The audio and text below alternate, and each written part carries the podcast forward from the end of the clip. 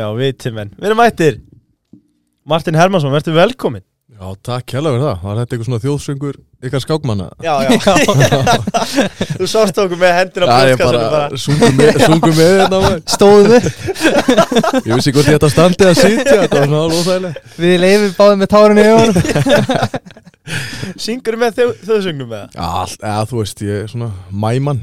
Já, já, Ég hérna, til mig vera góðan söngvara en svona uh, byrjaði fyrsta landsleikin á mæmann og gekk vel, þannig að ég hef gert það síðan. Sko.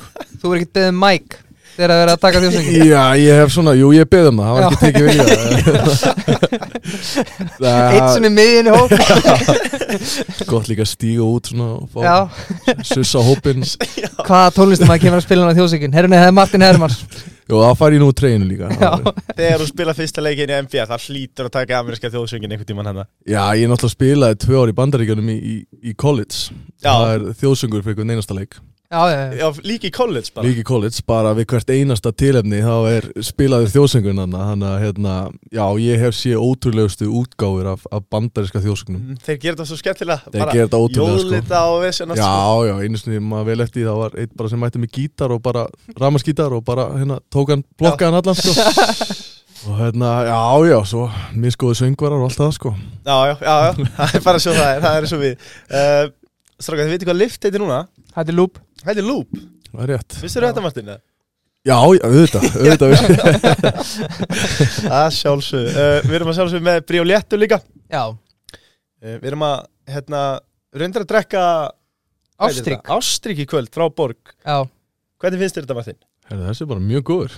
Það er hérna, auðvitað óafengur Já, sjálfsög Ástrík og léttul Hann er Ástrík og Léttul geggjar og ég, hérna, geibrætt litinir og Já, Já, já er kunnað þetta. Snýr á kolvi, þetta er skemmtilegt Já, En, uh, ég var ekki múin að taka því. Nei. Nei, nei. Herðu, það komin að, komin að leikmannakynningunni. Martin Hermansson, atvinnumæður og landslýsmæður í Körubólta og spilar með Valencia á Spáni. Uh, Þetta er eitt sterkasta félagslið heims og komst í úrslitakefni spænsku dildarinnar ásand í að komast langt í Európkefni félagslega uh, Þú spilaði náttúrulega mótið í úrslitarleik þar sem við köllum Európkefninar á fótboltamáli sem að heitir Eurocup. Eurocup, rétt. Já. Þú eru eftir Körubólta frá 5 til 6 ára aldri og spilaði, Nei, frá 5 Já, byrjaði 5-6 ára líklega. Já ég man vel eftir, ég var um fjör ára þá. Já. Nei, tvekja ára þá. Eh, og spilaði upp alla yngri flokkana með KR að sjálfsög og varst tviðsvönum Íslandsmeistari árið 2011 og 2014 árið helst út í nám til bandaríkjana þar sem hún spilaði reyni körubólta 2016 til Fraklands og síðan tveimur árum setna til Alba Berlín og í dag Valencia. Þú tókst alveg nett var þetta ekki Durant nú hann að Já, bara If you can't beat them, join Já. them Ah, þetta, þetta, Já, það var, var nokkuð sem gerði grína mér þarna á sínum tíma en, en ég tók eitt ári viðbútt í Berlín án ég fór yfir. Já, eftir, eftir hann hörmungarnar í úrstýta leiknum í, í Eurocup þá tók ég eitt ári viðbútt með Berlín unnum byggarinn og dildina mm, þá skipti ég yfir, þannig að það var svona að Áttur þú góða sirpu að móti Valencia? Já, ég held ég hafi verið stigastur í liðinu þessa, Mhm. þessa þrjá leiki. Fyrstur að vinna tvo. Já, best of three, eins og heitir á körubollamáli Já. og hérna, já, ég átti mjög gott mjög gott rönn í, í þessum leikjum. Já, Ef við tökum aðeins stöðun í dag uh, Þú lendir í að, líta, í að slíta crossband í lókmæ uh, á móti Baskóni í úslakefni uh, eins og þú komst svo vel á orði á Twitter lífið er ekki alltaf sangjant mm. Næsta áskorun ég get ekki beðið eftir að taka stáðana Hvernig hafa þessi tæpi þrý mánu verið hingað til? Og hvernig hefur þessi áskorun verið að slíta crossband á bestu aldri? Ég ætla að byrja að hrjósaði fyrir hérna heimaunna Já, geggja, geggja. Skuldlust, Já, virkir já, hérna, gaman að fá svona flotta kynningu og, Já, já, já, já en Fyrst að byggja upp, Mm. Svo bara Það er hárrétt. svo, svo, já. Ætla að opna fleiri og fleiri bjóra hérna komið sálfræði tíma kemur út í tárum.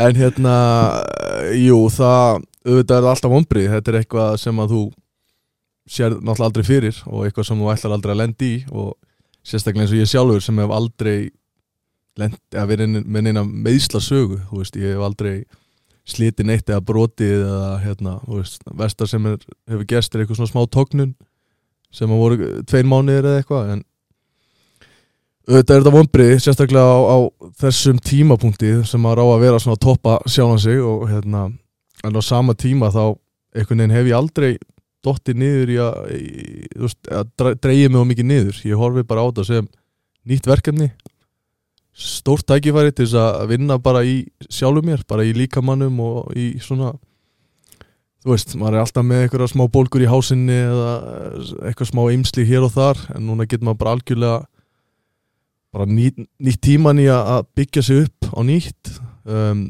bætt nokkrum um, hérna, tryggsum svona í, í, í pókan og, og komið bara tilbaka tvíaldur sko, Þú veist, ég horfi bara á þetta sem bara já, segi, hjúts tækifæri stórt verkefni og ég er bara eiginlega mjög, eða, veist, er ógislega spenntur fyrir að, að prófa þetta líka bara að fá að sakna körfuna svolítið og, og hérna já, verða svolítið bara svona skoteldur sko. Mm Ég vil að lífið eru glæð auðvelt þegar þú ert með svona viðhorf. Já, mjög. Þetta er til virðmyndar Já, þú veist, það var mjög fyndið Það er einhvern veginn allir í kringum mig sem að tók þetta meira inn á sig heldur en ég sko. mm. Það voru meiri, þú veist, mér fannst meiri vonbrið að fá ekki að geta að spila golf í sumar heldur en að, að- að vera ekki að fara inn á körbáltavöllin í ágúst sko. Já, Já, auðvitað kannski versta er þú veist, uh, landsliðið stendur á hakanum, ánum já, tí- á- þú veist, það er rísa stórt tækifæri fyrir okkur að fara á HM núna. Já, mm og það er kannski svona það versta við þetta þú veist, ég veit alltaf að ég kem tilbaki í atvinnumennskun og allt þetta sko en, núna er tækifæri fyrir landslið að gera eitthvað stórkostlegt og það er rosalega erfitt að sitta á hliðalínun þar og fá ekki taka þátt í því. Já. En annars er þetta bara, þú veist er ég bara ókísla brattur sko. Ef við förum að Ef við sko þegar þú slítur crossbönd Mhm. Hvernig ægslaðist þetta og vissur strax að þetta var eitthvað virkilega slæmt? Sko það sem gerist nákvæmlega er að ég um, fæ bólna rosalega upp í síninni hásinni hæra megin og slepp, ég held að kvíli síðustu þrjá leikina af venjulegu tífumbili Einmitt, þú varst búin að vera eitthvað aðeins að kvíla þarna á undan Já, Já, var bara í smá vesinni með hásinna hæra megin og hérna spilaði ekki einhverja tvær, þrjár vikur og ætlaði bara að koma beint inn í úslakefni Mhm. spilaði reyndar ekki fyrsta leikin í úslakefni en fæði svo bara skila bara frá þjálfurum bara heyrðu að því við töpum fyrsta leiknum bara heyrðu við getur bara hjálpa okkur eitthvað aðeins? Og, og ég bara já ekkert mál eitthvað bara sé hvernig ég er í uppbytun og svona og byrja að hita upp og bara finna ekki neitt. Enda náttúrulega að spila 25 mínútur. Já, og hérna vinnum leikinn og ég á bara fáralega góðan leik, klára leikinn svona í lokin á, þryggjastega skoti. Og við fyrir þá tilbaka til Valencia og spilum leik tveimur dögum setna og uh, þeir voru ekki búin að æfi þrjár vikur Mhm. og spilar tvo leiki á þreimur dögum það er kannski svona að hugsa tilbaka ég hef bara átt að segja stopp en, En ég, líka miðin var ekkert Nei, bara var bara fálega góður, fann ekki fyrir neinu og náttúrulega bara ekkert í hnénu, aldrei verið með neitt vesen í veist, báðum, bara aldrei, aldrei veist, það var engin fyrirbúð á þessu, ekkert svona hérna, einhver hérna rauð, r- red flags eins og maður Mhm, segir, Já, en svo bara náttúrulega byrja ég leikinn, þriðaleikin og hef búin að spila bara held ég 12 mínútur í fyrirháleik þegar það gerist þegar ég bara hopp upp, veist, ég lendi ekki í svona áneginu með neitt, þetta er bara líka með gjössanlega búin á því sko. og slít náttúrulega á vinstra nýju já Hvernig var sásvíkin?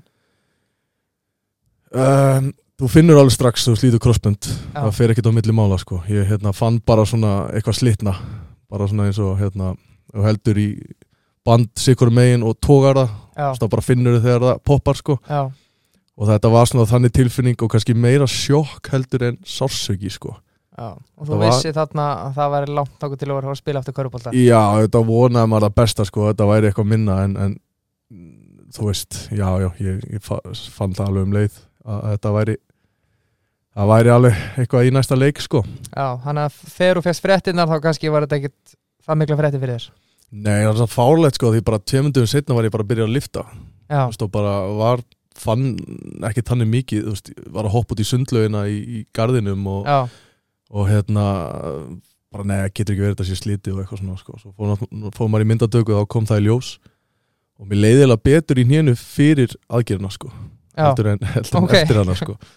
Því svo ferði ég aðgerina og þá náttúrulega bara ertu ógisla auðmur og allt stökkbólgið og þú veist, getur ekki labbað og getur ekki beikta og hérna en ég er kannski í svolítið forréttinda stöðu að geta labbað inn í aðgerð bara viku eftir slit. Já, búin að vera bara styrkja allt hann í kring og, og svo bara tveimundum setna var ég byrjað að lifta aftur sko. Já, og bara gera allt veist, fjórum, eftir, fjórum tímum eftir aðgerðin þá kom sjúkaþjálfur upp á herbyggi og rétti með svona blað með einhverjum 8-9 æfingum sem ég átti bara að gera. Já, og ég er ennþá svona sem ég uppdópaður sko, bara hérna reyna eitthvað að lifta hnénu og reyfa það og hérna taka einhverjar glútsæfingar og eitthvað svona dæmi. Þannig að ég bara já, hefur bara verið heppin líka að- að geta verið í svona stöðu þannig að þú veist, ég hef aldrei rýrnað eða, eða ekki verið að nota vöðvana eitthvað svona, þannig að það hjálpar auðvitað. Hvernig er þetta með köruboltamenn þegar maður maður sér það bara núna að ferlar hjá íþróttafólk er að lengjast það er verið að hugsa betur um bæði er íþróttafólk að hugsa betur um sjálft sig og, og síðan er verið að bara öll umgjör betri og þekking. Uh, sko, eins og með körubolta handbolta þetta er svo svakalega margar snöggreifingar og þú ert að lenda á vesinn og maður þekkir alveg nokkrar handboltakempur til dæmis sem eru bara búnar í skróknum hvernig er svona þín tilfinning hvernig er til dæmis hemmi, hvernig er gamli? Það er náttúrulega bara ekki hægt að bera það saman sko, þú veist að þjálfun í dag og, og allt, allt svona hugsun í kringum leikin er allt önnur heldur en þegar pappi var að spila sko. Já, já. Þú veist, það var það var ekki sjúkarþjálfari og það var ekki þú veist hérna, neina styrtaræfingar og allt þetta eða svona eitthvað fyrirbyggjandi eða eitthvað svona pappi náttúrulega bara hætti 28 nýjára bara því að hann var með brjósklós og það bara vissi Já. ekki hvað það að gera sko Einmitt. og hans ferill hefur verið allt annar í dag hann verið að spila sko og, hérna, og ég er kannski líka erfitt að bera mig saman við einhver aðra þú veist, þegar ég mæti á æfingar það eru tvei læknar, þrý sjúkaþjálfarar tvei styrtaþjálfarar og bara allt til alls Þetta er alvöru bara já, þetta bara ég fer í myndatöku bara, bara til þess að tjekka skilur. Hérna þarf að býða í þrjá mánuði eftir að fá já, eina myndatöku sko. Þannig að mm, kannski ekki endilega hægt að bera mig saman við sérstaklega, þessar leikmenn sem hafa verið að spila hérna heima.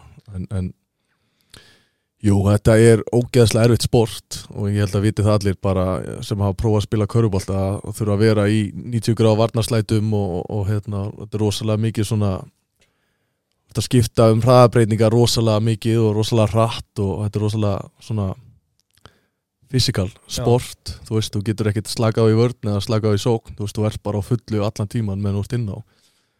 Og líka minni er alveg eftir því skilur en, en þessin er ég líka bara finnst þetta bara geggjað að geta tekið mér smá, hál, just, ég líti á þetta sem svona hálfleikspásu á, á ferlinum, mm -hmm. búin að vera í aðtunum kannski 8 ár og stefna að vera kannski 7-8 í viðbútt Já.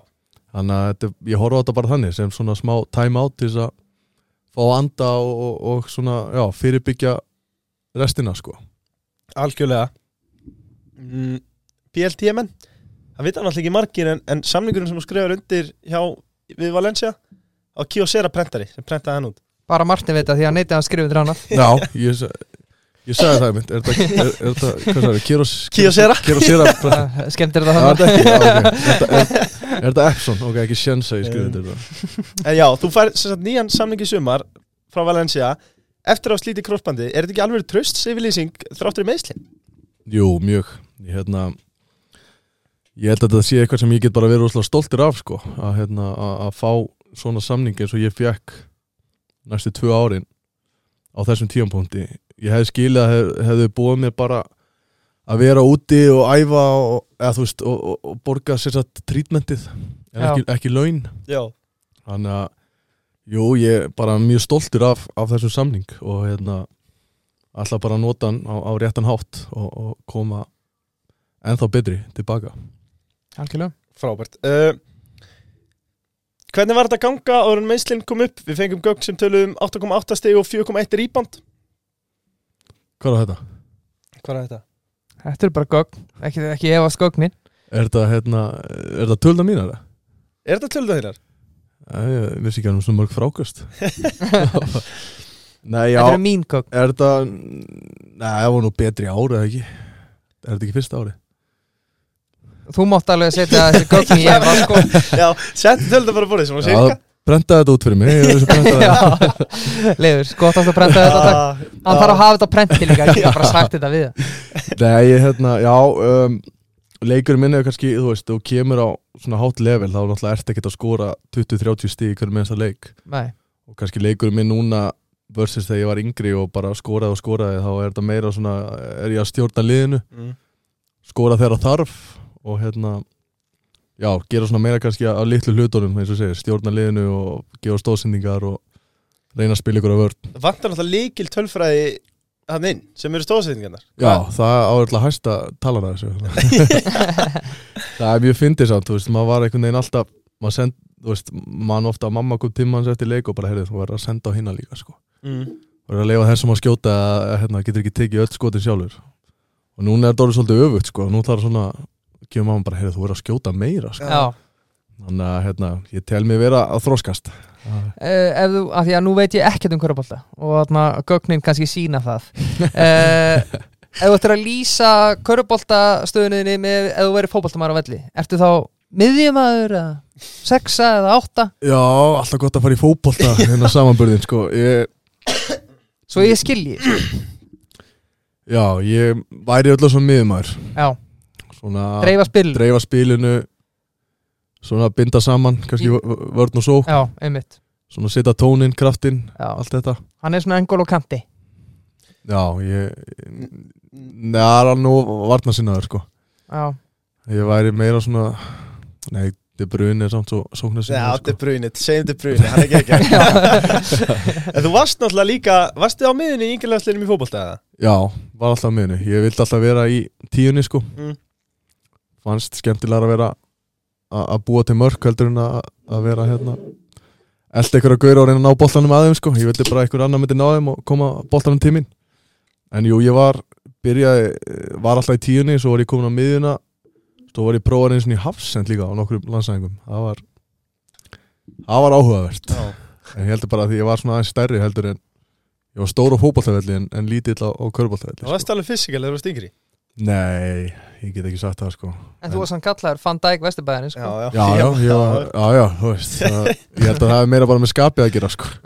Þú varst yngri eða? Já, algjör sko. Bara mjög slæmur. Já. Mikið red cards eða? Nei, reyndar ekki sko. Ég held ég að líka verið með svona smá Korpa augu sko. Ég, hérna, ég vissi hverju átt að sleiki upp og hverju ekki sko. Já. en, en ég bara keppniskapið var bara bilað sko. Já. Og bara oft allt og mikið.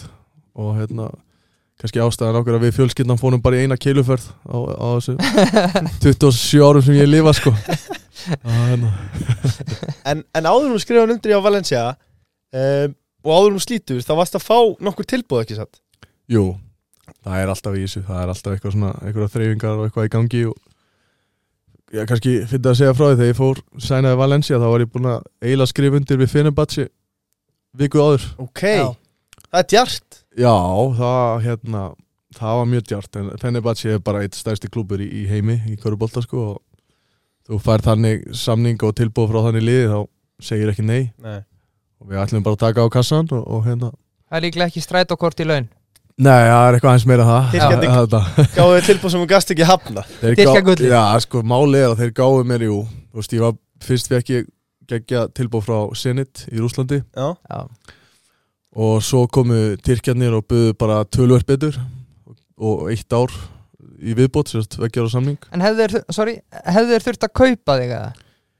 Já, nei, ég var bara samningslaus Ok, eftir, ok. eftir tíanbili með Berlín. Berlín alltaf bauð mér nýjan þryggjar á samning Já, og eh, já, Tyrkjarnir komu með mjög myndalegt tilbúð og, og hérna svo kom Valencia bara held í tvöndunum setna með stærra tilbúð en Fenerbahce?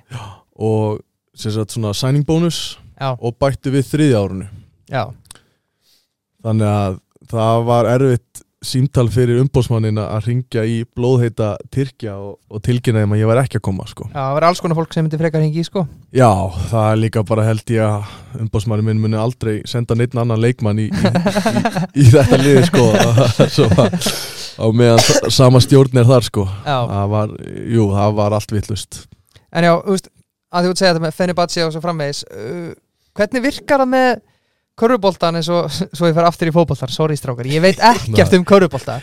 Ég er bara að reyna fyrir það, af því við erum með marga fótbolta aðdándilegur, skilur Það er rétt. Uh, Þess vegna er ég hér til að- að kenna ykkur. nákvæmlega.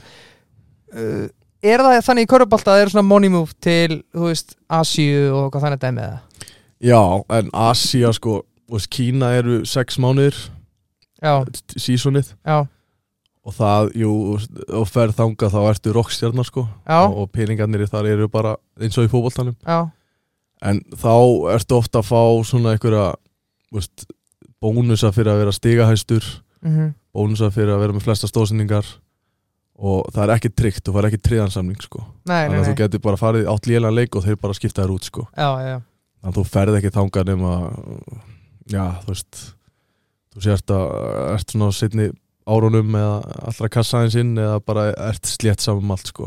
Hafa NBA-leikmenn verið að taka svona money move eða utan já, Var er, Jónard, sko, orðið á götinu var þannig að Jónardnur hefði einhvern tímann verið á díl þar sem hann fekk bara greitt á einhverju götuhotni í, með bara umslægi. já, það var í Rúslandi Það var úrslandi, já, já, já. það var bara svartir ruslapókar bara hérna, Já, og fólk að ferja pinningin heim bara í, í hérna, fólk sem kom í heimsókn þurfti bara að taka eitt búnt með sér heim sko. já, hérna, leggja á hægt og rólegir ah, Nei, hann er náttúrulega með svakalega sögur sko, en, en Asi er samt svolítið, þú veist, fólk lítur svolítið niður á það í körpallaheiminum á það? Já, þú veist, ef þú ferð þangað þá er rosalega erfitt að koma tilbaka sko. já. Og mínir menn í Já. Katar og svona, sé bara það? Það er ekki, já, ég veit ekki hvort það sé körpallið sko. Nei, en, en, þú veist, Kína er risastórt. Já, og, og, svona, já, nágrannaríkin þar. Já, Svo er að verða reynda svolítið flott dild í Ástralíu núna líka. Hérna, sem er, þeir eru að reyna svona að kopja allt. Ég held að heiti sko NBL eða eitthvað svona mm veist, bara að reyna að kopja allt sem NBA er að gera og, og peningarnir eru orðin miklið það líka og svona. Og það er líka bara sex mánu sísón en þú ferði í svona prógram þá ertu veist, þá eru lið ekkert að horfa á þig sko. hvað er sísón í Valencia land? Vá, það er ég fer núna út 15. eða 14 15. ágúst byrja ég að æfa og ég er yfirleitt að koma heim svona meðan júni Já, bara tíu mánuðir Já. Já, sísoni byrjar í september og, og svo náttúrulega bara fyrir eftir hvað fer, ég held að síðasti leikur sé 15. eða 20. mæ Já. í dildinu og svo úslakeppni sko algjörlega Árgangurinn er ansi sterkur. Þú ert þarna, þið takir bara tvo Íslandsmeistartitla og samt með hörku lið. Um, þeir eru náttúrulega í harðir bartu haug og fjölinsmennina. Elvar er þarna líka. Það stærsta spurningin er, er þetta ekkert erfitt fyrir Elvar? Hvað þér gengur vel? Nei, alls ekki sko það er ekki til held ég öfundsík í, í honum og hann er bara þú veist, hann er að gera ógjuslega flotta hluti líka sko Já, gleym því ekki. Nei, það verður ekki tekið á honum og það er einhver sterkasti karakter sem ég nokkuð tíma kynst sko. hann er bara ótrúlegur og geggja eigans er besta vina því að þá eru við að íta hverju öðrum áfram sko. Var, var ekki gaman í college með besta vini? það var geggjað en ég held að það samt það ár var svona kannski skrýtnast árið í okkar vinátt, eða svona sambandi sko, að því að þá fórum við úr því að vera í sikku liðin í sama liðið svona berjast kannski um sumu mínútur og skotin og svona og, og, og það það var svona fyrsta skiptir sem að við kannski vorum svona full mikið pyrraðir út í konan en jú, svo það er inn á milli náttúrulega geggja sko, náttúrulega geggja bara að fara með honum og búa í New York og, og vera, búa í sömu íbúð og vera að upplifa þetta saman sko, en, en kannski körubóllarlega náðum við ekki alveg að svona gera það besta úr þessu kannski, en, en hefði við haldið áfram saman þá þá, þá hefði kannski eitthvað breyst. En, en jú, það var náttúrulega geggja sko. Ég ætla að byggja um að stilla upp bæði okkar sterkasta landslið í dag og síðan ef þú mætti bara cherrypicka úr sögunni. Íslendinga? Já. Sterkasta liði sem við getum stilt upp í dag er auðvitað Elvar, ég Jón Axel, Haugur og Tryggvi Mm. Ægir náttúrulega líka þannig Kristó Við náttúrulega erum bara veist, við, Hörku lið. Já, við erum bara allt, þú veist, við erum aldrei verið með svona góða breyt sko. Mm. En kannski úr sögunni, þú veist Samt svo erfitt að breyta sko. Náttúrulega- Jón Arnór lítur að Já, komast ég myndi kannski, ég hef alltaf taka Jón Arnór Ekki spurning. Inn Einu sem ég veit. Já, myndi, myndi þetta setja hann í þristin kannski Þótt ég elski Jón Axel. Þá bara er Jón Arnór uh, næst berti leikmann sem við höfum átt. Já. Hérna, Nei og, og já. Gamla góða Bill Russell, Pétur Guðmunds. Já, Pé- þú veist, ég er alltaf sko það ungur eða gamall eða hvernig svo lítur á það ég hérna bara sá hann alltaf aldrei spila Nei, nei. og veit ekkit hvað hann gat en pappi segir alltaf bara hann hafi verið eins og tryggvi bara betri sendingamæður Já. Já, þannig ég myndi, jú, alveg svo Klálega. og bara aðeins betri Já, þú veist gat svona kannski búið til meira sjálfur en Tryggvi kannski svona meiri íþróttamæður og, og betri varnamæður en, en Pétur, en Pétur var svona miklu betri sóknamæður en, en Tryggvi skils mér en svo náttúrulega menn eins og Hlynur Bærings og Lói Gunn um, Pavel. Pavel auðvitað, vá, það verður ekki tekið. Það er eitthvað besti samherji sem þú getur haft sko, Já, þótt að getur já, þá er hann bara svo mikið lím á vellinum sko. það er svo gott að hafa hann þarna, hafa með þér. Og bara þú veist með eitthvað svona IQ körubólta sem að þú kennir ekki. Já. Og sem að bara engin íslendingur hefur átt held ég sko. Mm Við erum svo fljótir að gleyma sko En, en bónusmenn, þeir eru ekki fljótir að gleyma. Ný þetta er alltaf góður í þessu. Já, við, við okkur þykir bara svo væntum bónus. En, en málið er það Að uh, Fólk má ekki gleyma því að þú varst MVP á Norrlandamóti í 16 Það gleymist átt í umræðinu finnst mér. Það gley, já en þú veist það var uh, örlavaldurinn sko. Já, Er Það ekki? Jú, það var það sem að lét mig hætti í fótbolta. Er það? já. Nú, nú erum við eignast nýtt ungstirni Mhm. Hann er að standa sér því lit vel Já. uh, Á EM Þá var hann valin í úrvalsliði, hann Almar já. Allarsson Hversu hátt það kefur hann verandi hvað, 204 og geta teikt gólfið svona?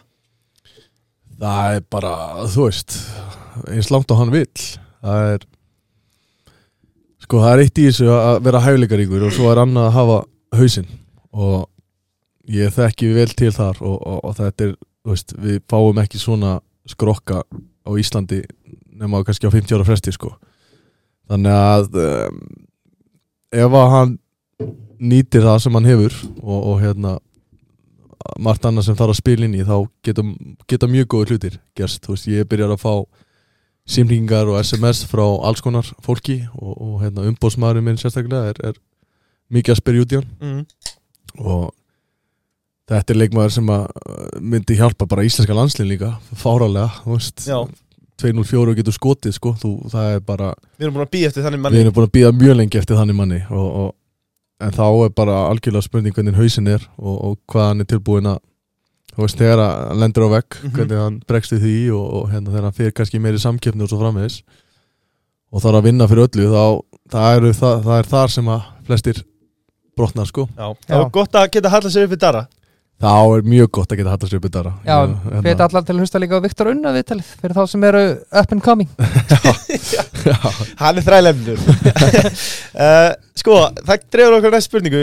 Er algjörlega óraunhæft að við munum eignast alvöru NBA-leikmann? Við getum nætt King Peter Guðmunds í gamla dag og, og Jón Arnum fekk eitthvað að æfa þetta hjá Dallas. Um, En er þetta er þetta borin von? Nei, alls ekki, það kemur að því einhvern tímann. Já. Maður hefur alveg verið nálætt í sjálfur þú veist Mhm. að, hérna, að taka þetta skref en þetta er svo mikil pólitík og svo mikið bara sambönd sko þú veist, ég er bara að tala af reynslu að hérna, bara spila á móti endarvista leikmennum sem hafa verið í NBA og, og hérna bara komist inn að því að þeir þek, þekka þennan manni áttu eitt gott ár Mhm. þarna eða hvernig sem það er sko þannig að NBA er bara algjör algjör pólitík Já, er það? Smá klíka bara algjör klíka Það er, Skilja. hérna, þannig að um leið og við fáum einhvern mann inn í NBA sem þekki til þú veist, ofta er líka svona einhverju þjálfara sem að þjálfuði einhvern þarna sem að taka bara einhvern með sér sko sem að á enga veginn skila að vera eða getu eða hvernig sem það er en, en, en svo kannski líka bara sem fólk það er átt að sjá það eru margir í Európu sem að fara ekki eins og yfir í NBA bara því það eru betri laun í Európu sko. Já, er það málið? Já, þú veist, það er bara hæst launust í Európu er að fá betur borgað en 8. 7. 8. 9. maður í NBA sko þannig að Þannig að þú myndir halda seg, það? já, segjum bara að þú myndir á mo- morgun fara yfir í NBA þú væri líklega þá betri díl núna í Valencia heldur en þú myndir fara núna í NBA ef ég færi núna í NBA já, sem kannski 11. 12. 13. maður og færi þá svona minimum kontrakt þá, já, þá var ég að fá betur Já. borgað í Európu Hvernig er, þú veist, hvað er þetta mörgbróðs kanar í þessari NBA-dild? Er þetta bara, er mikið útlendingum að það? það er, já, þetta er alltaf mest mest amerikanar sko en, en það er engar svona reglur eins og í Európu þú veist, í, í Tískalandi máttu vera með þarft að vera með sex þjóðverja Mm Spánið þarft að vera með fjóra Já, bandaríkjunum bara máttu vera með þetta eins og þú vilt. Já, en það er svolítið heitlandi að bestu leikmenn NBA síðustu ára eru allt Európubúar Já, já, Antetokounmpo, Jokic, Doncic þetta er allt sem er búin að vinna MVP síðustu þrjú ár held ég að fjögur ár. það er allt Európa búar sko þannig að það er, við erum stoltir af því Við erum það. Hver er uppáhalds NBA-leikmaðurinn? í dag, Og allra tíma. Er það Mello eða allra tíma? sko ef, ef, ef maður horfir á bara svona þann leikma sem ég hef neitt að stæla og herma eftir þá er það Tony Parker og, og Gino Billy Ok. En þú veist Lebron James er náttúrulega bara annað, dýr sko. Þetta er bara, talandi um dýr, er hann geitin? úf ég ætla, ég ætla ekki að hætta mér háka sko. ég hætti mér ekki að háka Og bolti lífur ekki í grilli alveg svo Nei, þú veist, það er bara svo erfitt að byrja þetta saman veist, Jordan bara breytti íþróttinni. Já. Og bara kom köruboltar svolítið á kortið sko og er bara skeitið þar. En þú veist, Lebron er að brjóta öll met og, og hérna bara þú veist, búin að taka útrúlegustu lið í, í úslit og þú veist, það bara verður að bera mikla verðingu fyrir því sem hann hefur gert sko.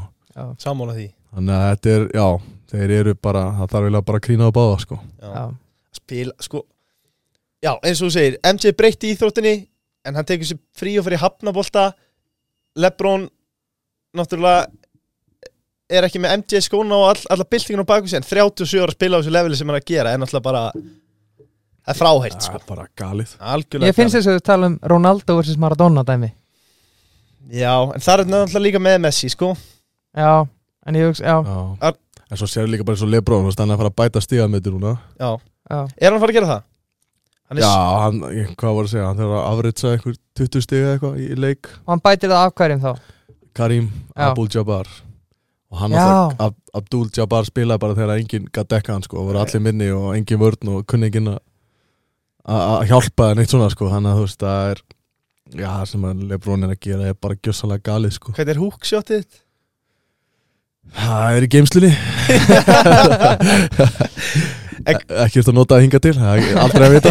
Þegar að fara að hægjast á manni Hvað er þitt uppbólsmúf? Já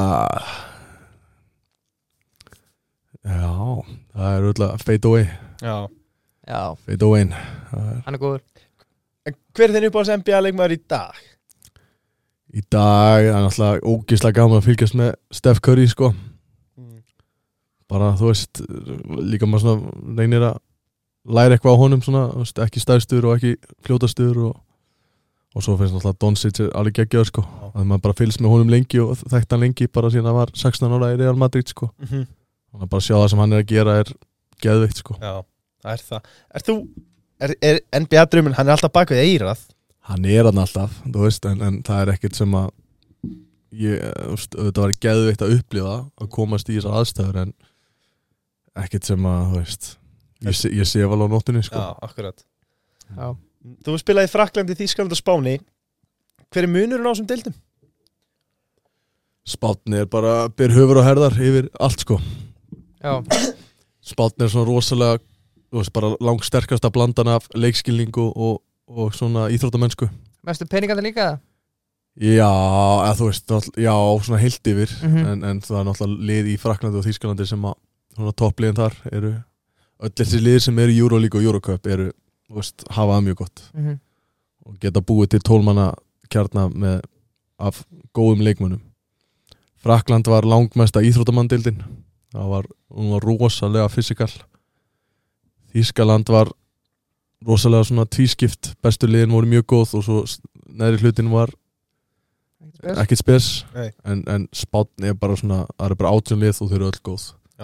Þú tekur ekkit oft dag eða þú veist veist þú sért að vera að vinna þarna eða þarna sko að og bara líka svo rosalega sterk svona körubólta menning á, á spáni sko Já, það er það það er það, ja, bara þú veist Er, er þetta ekki bara íþróttum og tvö á eftir boltanum?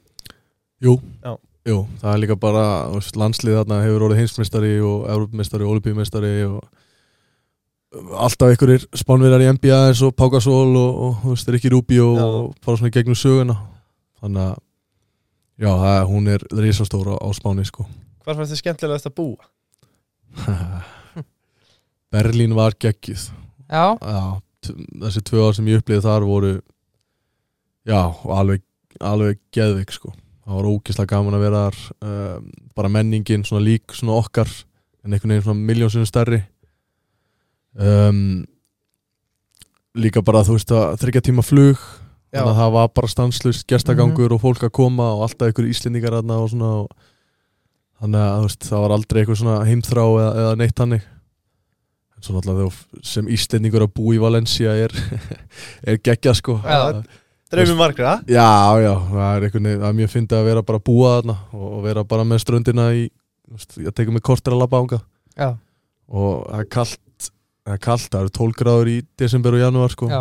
Ömurlegt. Eins og er núna hér sko. Já, akkurat, já, það er aldrei svona uh, rigninga hliða vindur sem að bara, hérna, sem þú getur ekki opnað augun í, sko, en, en hérna, jú, það er náttúrulega bara maturinn líka og, og Ertu tapaskall? já, ég er bara allt, sko, ég, Já, já. allt kall. Allt kall, ég, hérna, jú, mér finnst það geggja, þú líka bara getur farið niður í bæ og farið þryggja þetta máltíð fyrir þúsund kall, sko, Já, Já, ég tekur fjölskyldn út að borða og það er bara 29.800, sko, það er bara yfirdráttur. Það er bara, þú veist, bara Simin Pay og eitthvað, er, er, er, er kannski með hérna eitthvað, Síminn, Nei, nei, nei, eitthvað sponsa á þetta hérna. Net, Netgír og takk Netgyro, já, sorry. Sjálfsög Að me, me, Alltaf með loop samt. Já, já, alltaf, alltaf. Hérna,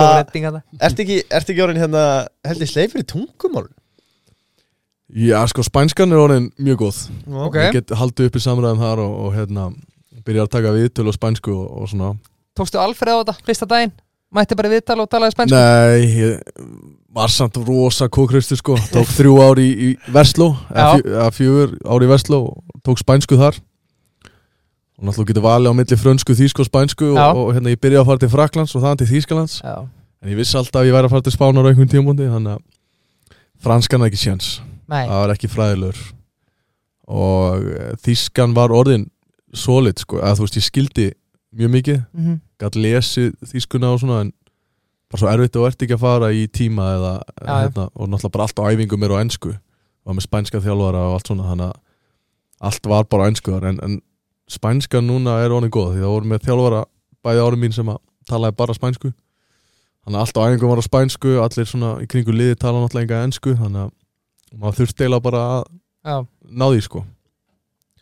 En ef við byrjum körfuboltan aðeins aftur saman við fótboltan upp á það að gera get ég verið með hérna í samræði uh, Tala um bara leikmenn að ná að segja ekki hugmyndu hver eru sko. Ma Maður er alltaf að sjá ungu efnilega knaspindumenn og, og konur vera að flakka til Norðurlandana og, og það virðist vera einhvern veginn minni brú í atvinnumennsku í fótboltanum. Að- auðveldar að koma heim og, og, og svoleiðis vantalega bara meiri peningur og dreifður á, á fleiri svæði en í körunni Mm, hversu mikill gæðamunur er á Evrópukörunni og hérna heima? Vá, alveg gigatískur sko. Já.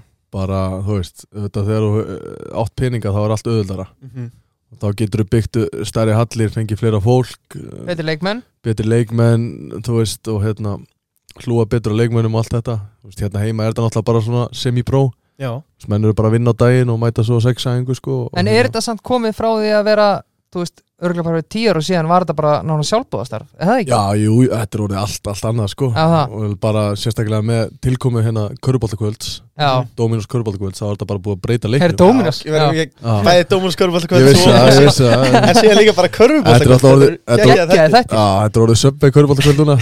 En ég vissi, að það væri Dominus hérna. En hérna Þetta er náttúrulega orðið bara miklu, miklu betra. Og það er náttúrulega sérst kannski bara best á landslíðinu Þú veist, Við erum með leikmenn í landslíðinu sem er samt bara að spila hérna heima. Þannig að þú veist, það er greinlega einhver peningur hérna sem heldur í þá.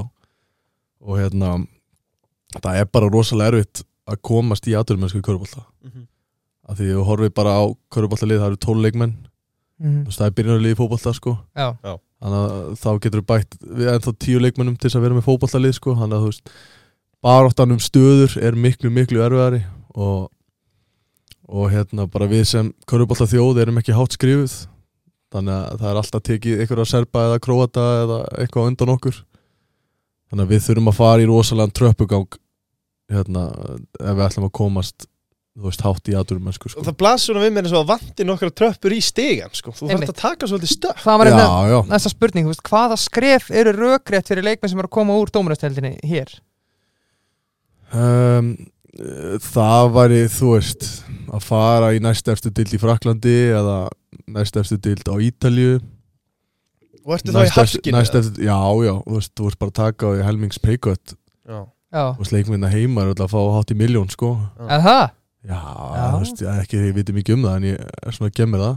Ok, þeir bestu, já, Já, já. og hérna og svo er ég kannski að vinna með því líka og er að fá og auka, ég veit ekki, 400-500 Já. og það eða eitthvað. Kannski íbúða bíl eða eitthvað. Akkurat, og, og, og Dominos með og eitthvað svona. Já, já. Já, sjálfsög Það er enda nóg fyrir mig. Ha, Martin er eiginlega betri sem við sko. Já, það er snúð þannig að eh, það er bara hókslega erfitt að, að hérna, fara úr þessu kannski, í, þú veist liðið kannski út er að borga 300-400 skall í næst efstu til í Fraklandi Þú ert bara að lifa sjálfur á þessu. Já, já, sem að þú veist og hérna en þetta er leiðin sem þú þarfst að fara. Ef þú ætlar að verða komast að hæsta level þá þarfst að vera í þessum dildum sem er actually hort á. sko. Og eru kannski 5, 6, 7 manns á leikjum og, og hérna alltaf verið að skoða eitthvað talent og eitthvað svona. Fólk er ekkert að koma að hinga til þess að skátar ekkert að koma að hinga til þess að horfa á leiki eða einhverjir hérna eigendur eða eitthvað svona sko. Þannig að hérna En er bara, þú veist, þú veist eins og ef við byrjum vatnsam fótboltan, þú veist það er samt þannig, sk- skilur eins og í bestuöldinni þú veist, ef einhver leikmar er búin að skora tíu mörku tíu leikjum, þá er fullt af umbum byrjar að heyri í honum og, veist, er það ekki þannig hérna? Nei, það er bara sorglegt að segja frá því, það er það bara ekki hannig sko. Nei, Ég held að bara, eins og segja, því að íslenski körubolti er ekki það er bara ekki búin virðing fyrir honum sko. Mm og ég er oft, þú veist, ég horfi eiginlega á flesta leiki og hvert einasta skipti sem ég er að horfa á leik, þú veist, úti og kannski erum að borða á hóteli eða eitthvað svona og allir sestir við saman borð og ég set, þú veist, leikin eða síman á borðið, þú veist, og hérna er að horfa á eitthvað leiki og kom alltaf allir fram hjá bara, hvað djók er þetta að horfa á maður, hvað er það íslenska dildin, hvað, hvað er þetta Já, hvað sveita svona- til þetta? þú veist, 80 manns í stúkunni og eitthvað svona skilur Já. hann að en svo þú horfður á úsleðakefnina og þá er þetta náttúrulega allt annað Já, batteri sko en, en það bara er svo lítið virðing búring fyrir íslensku dildinni sko já, en það er að hækka, við erum alltaf að fá fleiri og fleiri atvinnumenn og menn á hæra leveli og um leið og landslið byrjar að vinna líka þá verður þetta alltaf Já, betra já. og betra sko. hækka virðið í deildinni, klála Væri þetta gaman að að fá, eða reyndar talandum sko, talandum minna launamismin og kannski hvað við höfum það gott á Íslandi K.R. sótti þarna, var þetta ekki leikmaður sem að var bara, það var Kani sem var stigahæstur í, í sænsku deildinni eða eitthvað álíka, bara árið áður sko. Já, en það verðast vera peningar á, á Íslandi svona allavega með við hinn að staðina, þótt að við séum kannski ekki hátt á ratarnum hjá skátunum sko. það eru mjög góði peningar inn á Íslandi en á sama tíma er ókjörslega dýrt að lifa hérna Já, já, þannig að þú setur þetta í samengi þú veist að fá veit ekki, 600-700 skall hér versus 400 á Spáni eða eitthvað þú veist það er bara, kemur út á því sama sko. já. já. Já, betra á spáni, sko akkurat, en menn bara horfa náttúrulega bara á tölunar og þá lítur þetta rosalega vel út Já. og, og hérna já, en, en eins og segja, þetta, við erum í sókn Köruboltin er í blúsandi sókn og bara maður sér það á fjölda yðkenda og, og, og hérna og, svona peningum í liðum og svona þannig að þú veist, liðið er að gera þetta svona alvöru svolítið, finnst mér núna Já. í, í sökutilni Sko, ég er enda með þarna, rótöld að ekki spurt með það sáður en ég er enda með laust til að gera körubóltan ennþá stærri Hvað er með það? Þurfuðu ekki að hætta með þessa deildarkeppni og svo úsliðarkeppni Þurfuðu ekki bara að fara í Premier League fyrirkomulagið Úff, nei, þetta, þú talar eins og gæði sem auðvitað- aldrei Er ég, er ég, er ég, er ég risaðalega? Þetta er ekki svona versta hugmynd sem að nokkur maður hefur komið með. Við erum að tala um Fyrir að spila eitthvað hundra leiki sem skipta einhver máli. Þeir eru komnir í úsliðarkeppnina Þetta meikar eitthvað sens. Sko, við horfum bara á íslensku dildina ég er að tala um að það var 80 manns á meðtali á leikjum Já, svo það kemur í úsleikefna þá eru komin yfir 1000 sko. Ok, en að gera það eins og í bestöldin núna að það er deildarkeppni og svo tekur þú stíin með þér inn í úsliðarkeppnina Skilur þannig að þú veist að það sé ekki bara á sér deildarmeistari Þannig að fattar eitthvað við? Það er samt svo ga, sko, skemmtilega við úsleikefna er að það, það var bara ný keppni sko. Já, en þá skiptir deildarkeppnin einhver máli. Það alltaf heimalegir réttur Já. Sem er stór í úslakefni sem, Er það? sem að breytir öllu sko. Já, þið er ekki sammála mér en hversu, hversu marga hefur hitt sem að segjast horfa bara úsleikefna í Íslandsku körubólta Alla. Já, basically allir á Íslandi Já. þú veist. Og það er bara það sem að körubóltan í Íslandi lifir á er Já. úsleikefnin sko. En væri þá ekki bara hægt að byrja bara úsliðarkeppni Sleppa bara þessari deildarkeppni? Það væri náttúrulega bara langsniðast sko Já, basically. Það er að sé meira að tala um Ég veist, þau eru að spila svo marga leiki sem skipti ekki máli. Já, það er, það er eitthvað alveg rétt. Já, já. Og, en, en á sama tíma eru bara hvað, 12 lið, þannig að spila 22 leiki og sér að ég er búin að spila 152 árum sko. Já, Já, þú veist. Annarkvæð dag bara. Það er bara eh, heil köruboltaferil fyrir marga hérna á, á Íslandi sko. Og hérna það er bara svo geggja þessi íslenska úslitakeppni er, það er eitthvað sjarmi yfir henni. En svo segjum til dæmis þegar þú spilum Valencia og þið eru er fyrirkomarið alveg eins og Íslandi eða? alveg eins, já. Já. Þeir eru komnir áfram úslutakefnina og kannski tíu, hvað er margir leikir eftir þá, þú veist, fullt að leikjum eftir kannski. Mm Er það ekki bara kaff og sík og leiki bara að slaka á og skipta einhver máli hvernig þið fara? Veist, ok, heima vallaréttur kannski. Bara, Er það eina leverage eða? það er, já, basically. Já, en það er líka, þú veist, það breytir bara fjárhagnum fyrir fulla liðum sko. Já, þannig að það er oft bónusar fyrir að endi í ykkur ákveðnu sæti og, og allt þetta ok. sko. Þannig að þú veist, það er, þú veist alltaf kepp með eitthvað. Ok. En, en það er kannski eins og segja, hérna á Íslandi þar sem þú veist bara hvað lið verða góð og svo framvegis þá er kannski erfið að gýra sig upp í í þessa leiki sem eru hérna í november og desember og janúar sko, þú veist, ég man bara eftir þessu sjálfur það var mjög erfitt að fara stundum í janúar og februar leiki sko. Einmitt. Og hérna, En það væri bara hrun köruboltan sem fari í þessu hugmynd hjá mér eða? Já. Ég held það já. Uh, en svo er bara svo erfitt að vera með eitthvað hérna yfir veturinn sko, það eru bara allir lokaðir inn í húsum og, og hérna nennir enginn að gera neitt sko, þannig að já, svona þegar voru kemur og byrja að byrta til og vera með úslitakeppnin og allt þetta það er svona, það er ógislega mikið já Ég er enda líka að tala um bara veist, eins og í NBA og svona skilur að því Já. að þú veist, maður er kannski stundum heimi á sig þegar maður hefur ekkert að gera að horfa okkur NBA-leik Ná, Svo maður tjekka, neina, þessi leikur skiptir engum máli sko. nei, nei, NBA, veist, NBA líka 82 leikir sko. Já, helvi dýrt. Bara bull sko Já. en, já, veist, NBA eins og segi, það er bara smá sirkus. Já, ég held líka bara þú veist, þetta sé bara vandamál sem að allar íþjóttur í Íslandi glíma við að það er, þetta er ekki Meina, Þeir eru ég Tíu bara- manns í stúkunni sko. En þú veist hvað þessu geggja núna til dæmis að horfa á fótball þannig að vera að byrja úslakeppni uh, myndi ekki gera það svolítið spennandi ja? Hún er að byrja, náttúrulega úsleikjandi núna. Það er búið að breyta því, já, Já. þá verður það að breyta því. Nú, ok, þá kannski fyrir að fylgjast með þessu. En, en, en, en þeir taka samt stíin Já. með sér inn í úslakefni Það er punkturinn minn. alveg Ó, ekki alveg heima jafn á þetta spennandi, sko. þannig að já ok. Og hva, hva, hvernig er úslakeppni? spilar efri helmingun á móti liðunum í efri helmingunum og neðri á móti neðri Hann er líka að spila með fallið. Já, Já. Já, ok, það er minnst það smá já, já, hann Smá Tókstu öll troppun en, en til að slúta umræðum Dominus deildina í Bili eh, að því að Birki það er nú eins og þannig með þig að þú ert eins og blasar okkað og heldur með breðabliki í boltanum og káir í körfunni. Já, ég, já, ég er bara til í það það væri nú gaman fyrir okkur káuríkana að sjá Martin koma heim og, og sækja sex pít eftir En, en fyrir byrju, Káir, þeir gátt ekki neitt þetta síðan svona nokkuð Voru ekki ömulegir eða? Já, jú, eða þú veist Það er, teltu það er, það, það er rosalega erfitt að vinna sex titla í röð Já, og, og, og, og reyna að halda, þú veist, þetta maður brotlendur á einhverju tíma, sko. Þeir náttúrulega mistuð finnur sem allt vinnur já það er nú bara, ég, ég held sem Marta er káir og við getum tekið held ég Já. bara heilan þátt ég ræða það. En, Eitthvað vantar já. pening? Já, það er alltaf hægt að finna peninga, sko en, Já, við erum að byrja eitthvað starf annars þar, byrja í græsótri en uh, Gauði Netgjörn, okkar maður las viðtal við um daginn þar sem við talar um að þú verður alltaf með einhverja skoðanir eh, fyrir ekki, alltaf að skoða einhverja viðskiptapælingar ótengt köruboltanum er eitthvað spennandi í vendum hjá King Martin, spyr Gauði Já, þú veist Ég er alltaf latu við það en, en ég er, jú, byrjar að fara á eitthvað svona fundi og, og hérna svona pæli í alls konar hlutum. Mm. og hérna búin að, já, kaupa tvær fastegnir já, og var núna í fyrra að fara inn á hlutabriðamarkaðin vel gert. Og hérna, svo er bara alltaf að skoða eitthvað, sko, eitthvað svona spennandi og, og til í alls konar.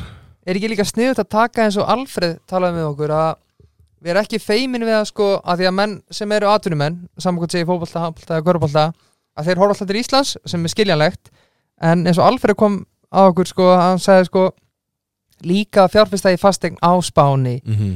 á, í, uh, á því, í Þýskalandi að svo bjóðskilur að því að þú veist það er umtla mun betri vakstakjör þar og þú veist það er bara geggja líka fyrir því þegar þú er búið með ferilin sko. Já, ég þarf svona að því að ég er bara ekki alveg nóg hvað segir maður, flinkur í þessu sko. Sem að allt sem að ég er svona verið að gera er einhvern veginn grunum og þú sérst að tala þig niður hérna sko. Já, þú veist, maður er svona með menn sem að kannski svona pitcha ykkur af manni. Já. og kannski vantar það svolítið úti svona að vera með gaur bara hérna, heyrðu, þú veist gerum þetta, kíkjum á þetta, eitthvað Mhm. svona. En svo er svo fyndið, veist, maður er einhvern veginn svo ógeðslega íslenskur sko veist, ég fer frekar að fæ með tattoo hérna heima heldur en að gera úti og fer frekar í klippingu hérna heima heldur en úti veist, þetta er eitthvað svona eins og maður tristi Íslendingnum Já, betur já. sko, sem er gjössalega fáralegt að Já. maður pælir í því sko en já, ég maður er alltaf að skoða maður er alltaf hérna, bara að kynnast leiknum eins og uh, maður getur orðað þannig og hérna, er bara já, ennþá frekar ungur en maður þarf að gera eitthvað við þetta og, og hérna aldrei að vita nema að hafa búið í kaffibólla í Borgat og 19 Já, já. Já, held öllu opnuð hérna.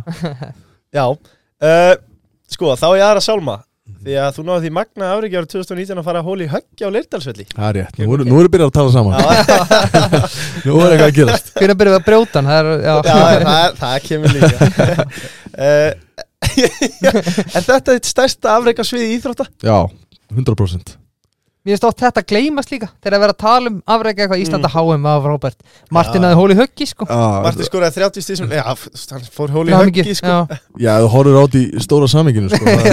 Stóra Þú saming veist, það er fullt af mönnum unni titla hér og það sko. það, það er alls ekki margir sem að fara í hóli í höggi Það er hérna maður er í ykkur eldu klúpi þar sko Það er nákvæmlega þannig Hefur þú náðið leiður? Við erum ekkert að tala um mig Ég er að taka viðtalina Nei, samt sko, versta, er að ég var að eiga hræðilega ring sko. Ég held ég að bara verið í kringum 90 eða plú, 90 plus sko og, og hérna Ég man að þetta var á 17. í GKG mm. ég fann það bara leiðið í hitti kúluna bara ok, þetta er eitthvað sko. Og hérna náttúrulega bara sé maður að detta ofan í og tveir með mér hann í hollinu og við náttúrulega bara hlupum hann eins og ykkur hálfvita sko og svo náttúrulega átti ég eftir að spila eina hólu sko það er einhver erfast að hóla Reyndur hól í höggi það líka það eitthvað, já, fór ég par fjögur ætla að gera það sama sko að því að þú veist, þú færði ekki færði ekki skráð nema þú klárir hringin Mm. og hérna skilin inn skórin og allt þetta sko hann að þetta var rosalega ljótt skórkort sko. en, en þú veist, maður er í einhverjarklubnum með medalíuna Já, já. og, og skjalið og, Ertu með þetta gólpókana þinni með það? Nei. Á, á mætti bara kippa mér úr sambandi sko. það er, Þú ert með þetta í snirtveskinu þinni ég veit ekki sem hvað þetta er sko, það er að Alltaf, versta alltaf verið svefnin, kissið það hver, já, hver er skemmtilegast málmur sem þú er unnið? Mátti ekki nefna hann sko, Í stóra saminginu byggarúsla leikurinn í Berlín, svona fyrsti svona atvinnumanna byggarinn það var styrla, það var 16 manns full höll. Vá. Berlín var ekki búin að vinna titil síðan 2016 og hérna já, bara eitthvað rosalegasta stemning sem ég upplifað. Ég náði líka því að vera maður leiksins. Þannig að þetta var bara einhvern veginn það var bara eins og mann hefði skrifað sjálfur sko. Þetta var bara fýtt Og Já, þetta var þitt var- fyrsta tímabil þetta, nei, setna, sen tímuli já. við, við sko, fyrsta árum mitt þá töpuðum byggarústalegnum töpuðum titlinum um að vera þýskansmeistarar Já. og töpuðum Evrópu byggarðum fórum í úslit í öllu og töpuðum öllu Já. en árið setna þá tókuðu tvöfald þannig að það var það var Sætt. geðveikt sko, já, það var geggjað en alltaf K.R. Íslandsmeistartillin 2014 það var líka, Já, já, já, já það, það byrjaði þetta Hvað ertu með í forgjöf?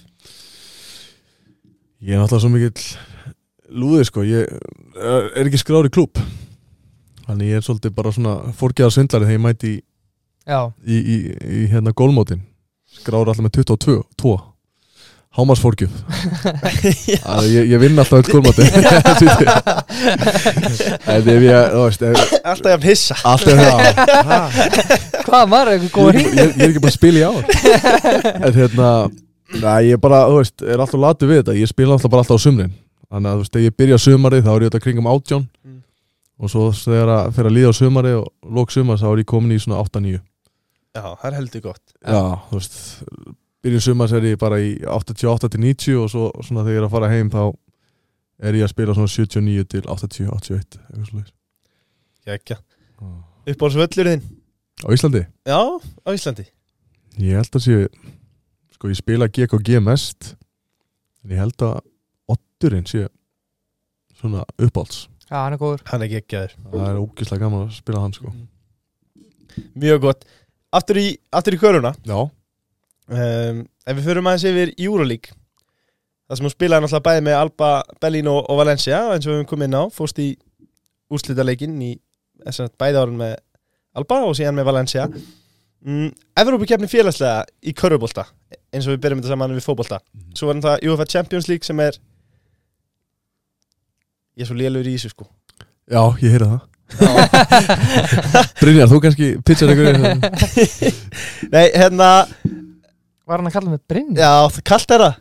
Sæði Brynjar? Já, Æ, ég, Bir, Birkir, það er ljótt, Er- ljótt er- kallt verða herru, takk fyrir í kvöldi. Já, ég, Er það ég, ekki, nei, Brynjar er ekki styrtaræðli hjá okkur? Jú, jú, Jú, jú, jú, Brynjar maður, það er kongur ég þarf hvort þér aðeins að klippa Er þetta það er ég, það ég eitthvað bílar sem mæk hérna? skeit þarna sko. Nei, ekki klippa þetta. Nei, nei, nei. Við komum til Dinasaur Glættir, hann kallaði mig Brynjar Það er Já, svo það er ég, ég- þú kallaði mig Martin líka þannig að- Nei, Já, bara fuck. Eh, já, en ég var að tala um Brynjar Björns Ég spilaði með honum í KR Já, já. hérna, og Brilla. best, Einn besta skýtta sem við Já. erum á. Þannig ég var að byggja eftir að hann myndir hingja og taka einn aðeins pizza inn Þetta líka var mjög Var hann ekki á línur? Mm, sko, ef við tökum bara þessi bestu lið í í körunni í, í Evrópu. Hvernig myndi þeim farnast á móti NBA ef við tækjum bara Real og settum þá bara í NBA núna Sko það er ástæða fyrir að NBA-liðin er hægt að koma til Európu að spila. Þeir koma alltaf svona í byrjun að lók sumas og tóku æfingarleiki fann að færa sig bara til Kína. Já, bara það var þannig, þú veist, NBA-liðin kom alltaf og spila æfingarleiki á móti Real Madrid og Alba Berlin líka. Já, og töpuðu við þessum leikjum sko. Í alvöru? Já, þannig að það- þau eru hægt að koma En, þú veist, jú, auðvitað eru bestu leikmennir eru í NBA, skilur, þú veist þessi stæðstu bestu eru þar.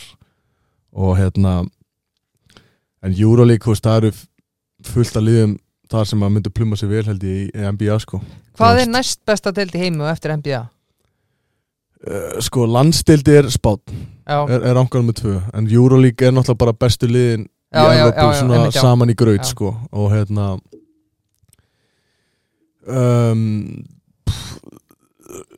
kannski fjögur, fimm bestu liðin á Spáni myndu eiga séns í NBA en svo Já. þú ferð, ferð að fara neðar þá er það eh, ekki skilur Mhm. en, en, en svo líka kannski lélustu liðin í NBA þau myndu bara ströggla í mörgum deildum í Evrópu sko og það er ekki hægt að fallur NBA, það er nokkuð nei, það eru bara alltaf sömu Já, 30 liðin eða eitthvað það er hérna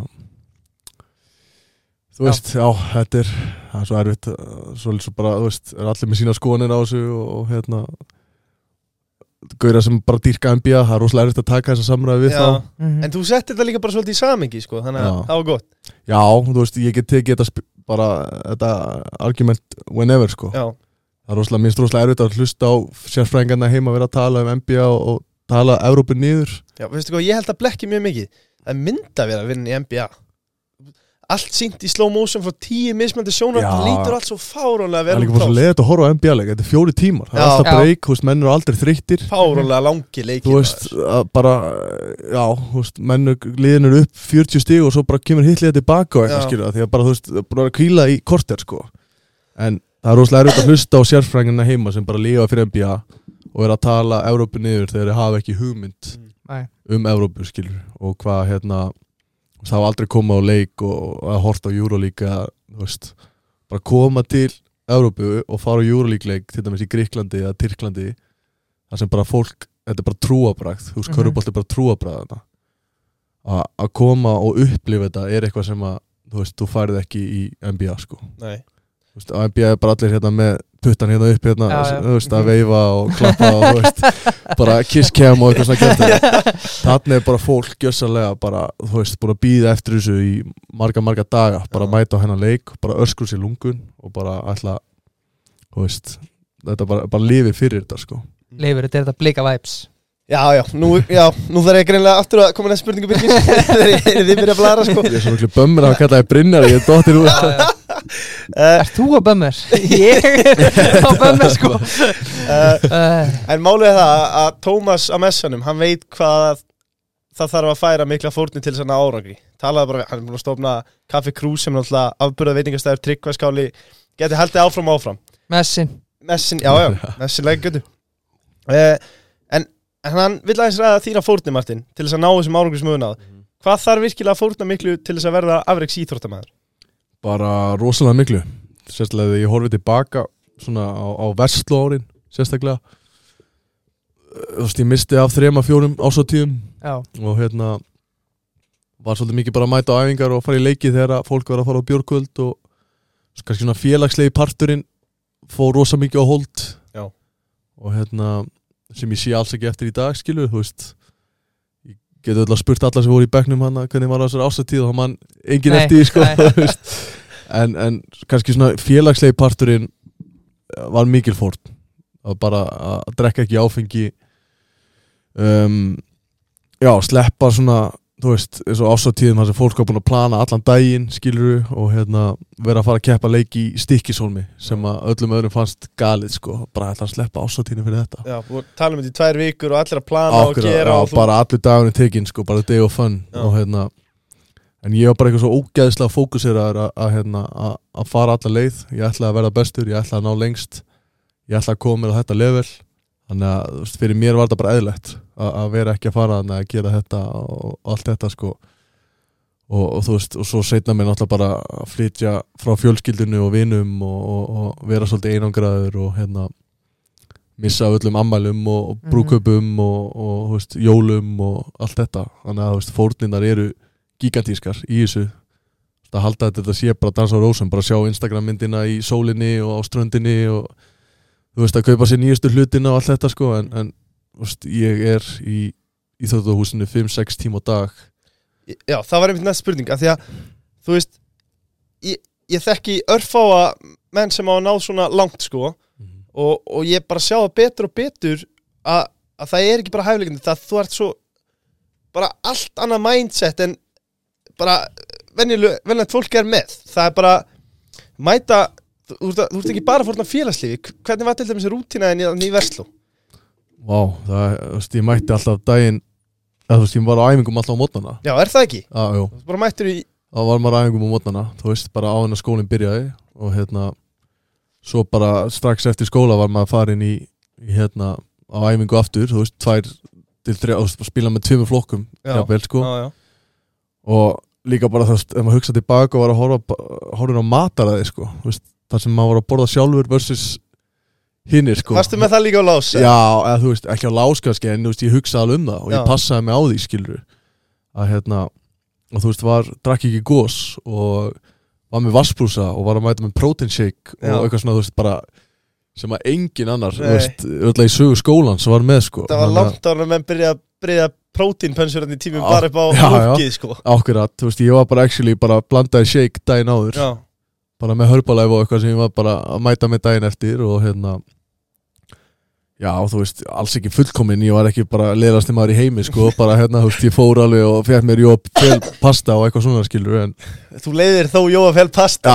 Já, neða, þú veist, ég bara var ekki á Rikka Tjan eða var ekki að, hérna, einhverju svona dæmi, þannig að þú veist, auðvitað, þegar maður horfði tilbaka eitthvað sem var eðlert fyrir mér en var svo langt frá öllu því sem að aðri voru að gera, sko. Já. og hérna já, og bara þú veist sérstaklega bara áfengi sko, ég held að það hafi skipt sköpum fyrir Já. mig á, á þessum árum. Og hérna já, bara held að það hefur svona verið kannski stærsta og svo veist ég horfði tilbaka líka bara þú veist, hóptrýstingurinn Mhm. sem að var í gangi. Þú veist, þú ert í mentaskóla, það snýst bara allt um að fara á böll og vera að drekka og dett í það og fara í bæinn og allt þetta. Já, ég fór ekki í bæinn fyrst fyrir ég var 21 eða 20 sko nei, veist, Það er og þú veist, bara pældi ekki því. Mér fannst það bara, það var ekki Það var ekki að dagskránni. Nei, það var bara ekkert sem að mér langaði að gera. Nei. og hérna, þú veist, ekki að segja það að ég hafi þurft að drekka, en bara mér fannst bara geðvitt að vera á bíl alltaf. Var þegar leiðindi alltaf skuttlarinn, skilur Mhm. sem að var ekkert, spes en, en, en hérna bara að, að hafa staðist þennan hópþrýsting og, og ekki þurft að gera þetta og bara verið alltaf ferskur, sko. Já. Og uppskóra eftir því Já, allavega, já, ég held að, að, að hérna, þú veist, bara margir litli hlutir sem spil inn í, þú veist, eitthvað svona auka líka 50 skot eftir æfingu og allt þetta dæmi, sko, sem að, þú veist, tegjur og, og allt þetta, bara þetta, bara allir þessi litli hlutir bara skipta öllum máli, sko. Varstu með Ísle sorry, varstu með íslenska fyrirmynd þegar þú varst að Já, Jón Arnór var náttúrulega bara, Já, þú veist, eh, bara eins og allir held í íslenski köruballamenn á þessum tíma, að eini sem var að gera einhverja alveg hluti í Európu og, og hérna var að spila á hæsta levelinu og svo náttúrulega bara, þú veist, þú sér mannin skilur, hann vaksin eins og grís góð og, og hérna, Absolute Já, Unit. Já, bara, þú veist, þú verður bara dálitur þú sér hann, sko, hann að hérna, Þú sé- þú- þú sérðu alveg að Alexander Pettersson og Jón Arnór og þessi gæðir, þeir eru unnu fyrir þessu sko. Já, já, ekki spurning Þú veist, ég held samt kannski að Jónar Nóri er aðeins öðruvísi vaksin Já, svoleiðis. hérna, Ég held að ég hef þurft að hafa aðeins meira fyrir þessu. Já. heldur en svona, þú veist, ég er ekkert eitthvað genatíst undur eða hérna, þú veist, allt á hávaksin þú veist, ég er 1.90 sem er bara Þið eru nú alveg genetísk undur hérna feðgarnir sko. Ég ætla að segja, ég var alveg að segja pappa þér í stúdíun pappi er alltaf 1.98 sko. Já, já, Já. Þú veist, ef ég var með hans hæð þá var ég NBA sko. Já, já. En þú hefur að betra spáni Já, ég hef, ég hef það mjög gott, ég ætla ekki að kvarta. En svo líka eins og litli bróður, sko, hann er veist Ég, ég viðkynna aldrei, hann er aðeins stærri, sko. Já, Ég klippi þetta, Það þetta. Er margir hlutir sem átt að klippa hérna, hérna Og svo er hann sko með Hérna, hvað heitir þetta, wingspan? Hvað, er Ísland, faðminn. Hann, í- læti mikið gleyma því sko. Langt yfir, tvo, hann er yfir 2 metra faðm, sko. Er Það, Þú veist, ég er með stýttri faðm heldur en ég er, há- ég er 1.90, ég er með 1.89 faðm, sko. Og fólk átt að sig að því hvað faðmur skiptir miklu máli körfum Það skiptir öllu máli, sko. Já, Þú veist, bara sérstaklega varnarlega geta verið að stila Já. boltum og eitthvað svona. Blokkað, þú getur verið lítill eða þú getur verið stór í vörð sko. Þannig ef ég geti sko sett pappa og, hérna, og, og Arnór já. saman einhvern veginn. Já, af Því að pappi er ekki með langar hendur sko. Nei. En haldið svo hérna, mindsetinu frá mömmu sko. Þá, kannski getum við búið til mjög góðan mann sko. Sumir, sumir vilja meina að Magga mamma henn sé ekki með hún sé þindalaus sko. Hún getur hlupið endalaus segir Já, ég er, ros, ég er rosalega heppin Sorry pappi að, hérna, að fá svolítið svona Já, svolítið svona hérna, mindseti hennar og, og, og svona þrjóskuna og eljusemi Já. og vinnusemi frá henni sko.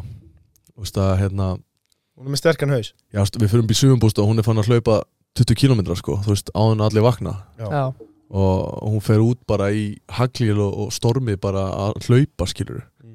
Það er bara ekkert sem að til hjá henni að taka sér einhverja pásur eða, nei. og hérna, og þú veist, hún fær saminskupið og hún gerir ekkert og þú veist, hún er, hvað hvað er hún gömul, 52 ára? Og hún er enda með sixpack sko. Já, Já. grjót þú veist, bara, þú veist pappi er enda líka skilur en, en, en þú veist, hann þarf að hafa minna fyrir Já, hún finnst svolítið gott að setja bara veist, pappi fyrir í ræktina en hefur ekki tekið lappir í 30 ár sko.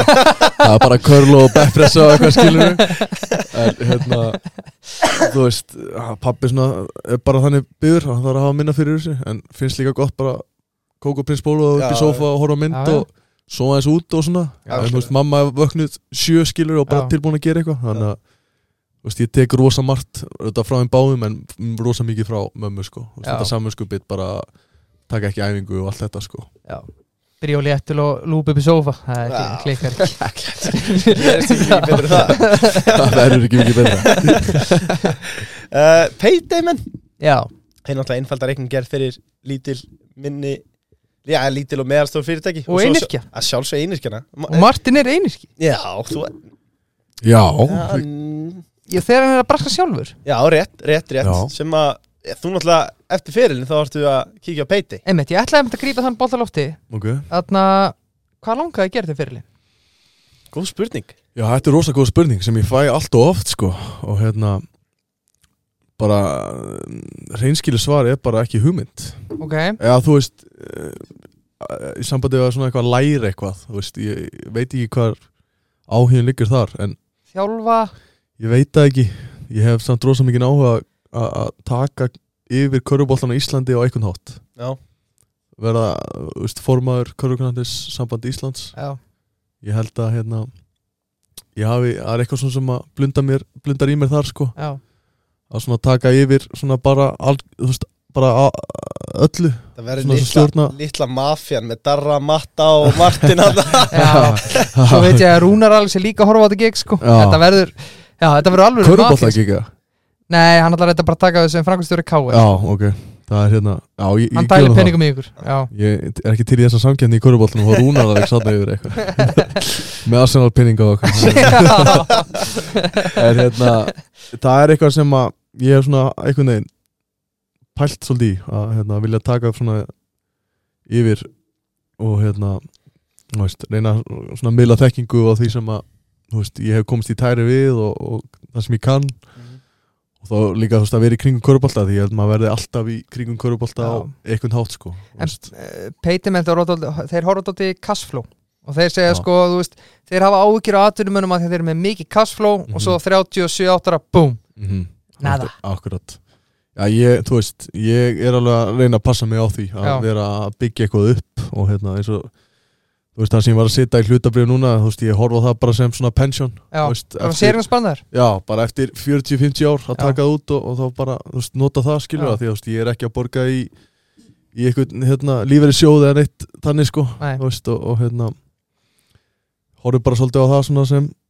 svona peningar sem bara kemur þegar maður er kannski hættur að, að gera eitthvað og, og já, þú veist eins og með fasteignir, það er náttúrulega bara eitt örugasta sem þú getur gert. Mm en kannski ekki mesti ávinningurinn þannig, en Nei, bara svona steady Já. þægilegt sko og hérna það kefti líka bara gegnum tíma þetta er náttúrulega orðið bara, Sturlun? bara styrlun í dag sko og, og svo er ég bara alltaf að skoða eitthvað svona verkefni og, og hérna svona fara á nokkra fundi með til dæmis Fossum og hérna, Artica Finance og eitthvað svona og Þetta er að taka fundin í landsbankar með mér en það kemur að Akkurat, það kemur að því en, en svo líka bara, þú veist, það er svo endalust dæmi um menn sem hafa brent sér svo ótrúlega illa sko. Já, Já, af því að þeir lifa kannski eins þegar ferillin er búinn og þeir gerðu en þeir geta það ekki. Er eftir að sleppa lífstilum Það er það, það er rosalega veist, bara að- allt í einu að sjá þess að sjá þess að peninga koma inn þú veist, Já. þessi mána,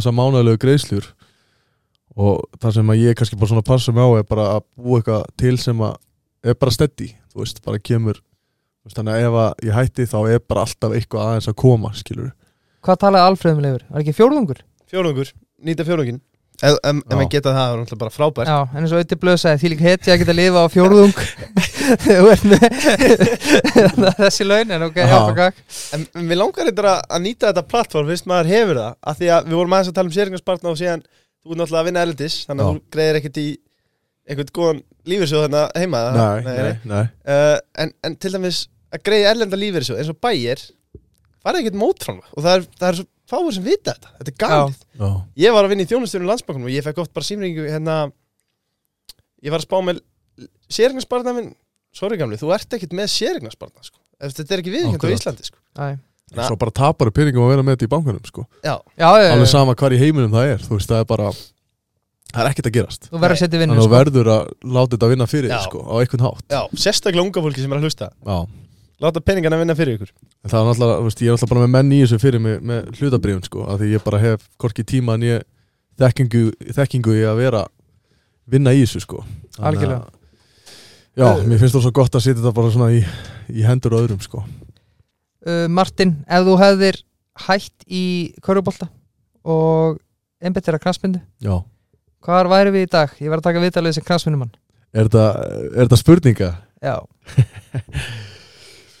Ah, sko, ég hugsa oft, ógislega oft um það Mhm. ef maður hefur sett sömu, sömu Sama effortið. sama effort, sömu vinnu í fótboltan var áhugin uh, þú tekur áhugin körfubolti áhugin var meiri í fótbolta sko Ok, til svona 14-15 ára aldurs þá bara ætla ég að vera fótboltamæður náttúrulega bara þú horfir á var körfuboltin með tvö eða? Körubolti var nummer 2 sko. Ok, en þú veist, ef þú horfir já, sem Íslendingur og horfir bara með fyrirmyndir. Eða smára bara. Eismára bara og þú veist Gylfa og- endalaust já. af- já, endalaust af þú veist, þetta bara svona færiband það var bara alltaf einhverjir Já. Íslendingar að fara út í aturmennsku og eitthvað og svo horfir á Köruboltan, það var bara ekkert það var einn guður sem var að gera eitthvað það var búið til einhverja pinninga sem var Jón Arnór. Og hérna ég ætla alltaf að vera fótboltamæður og svo eins og segja, þessi vendupunktur að verða Norrlandamestari og verða valinn bestur þar, þá byrja ég að fá rosa mikið hringingum frá umbósmönnum og, Mhm.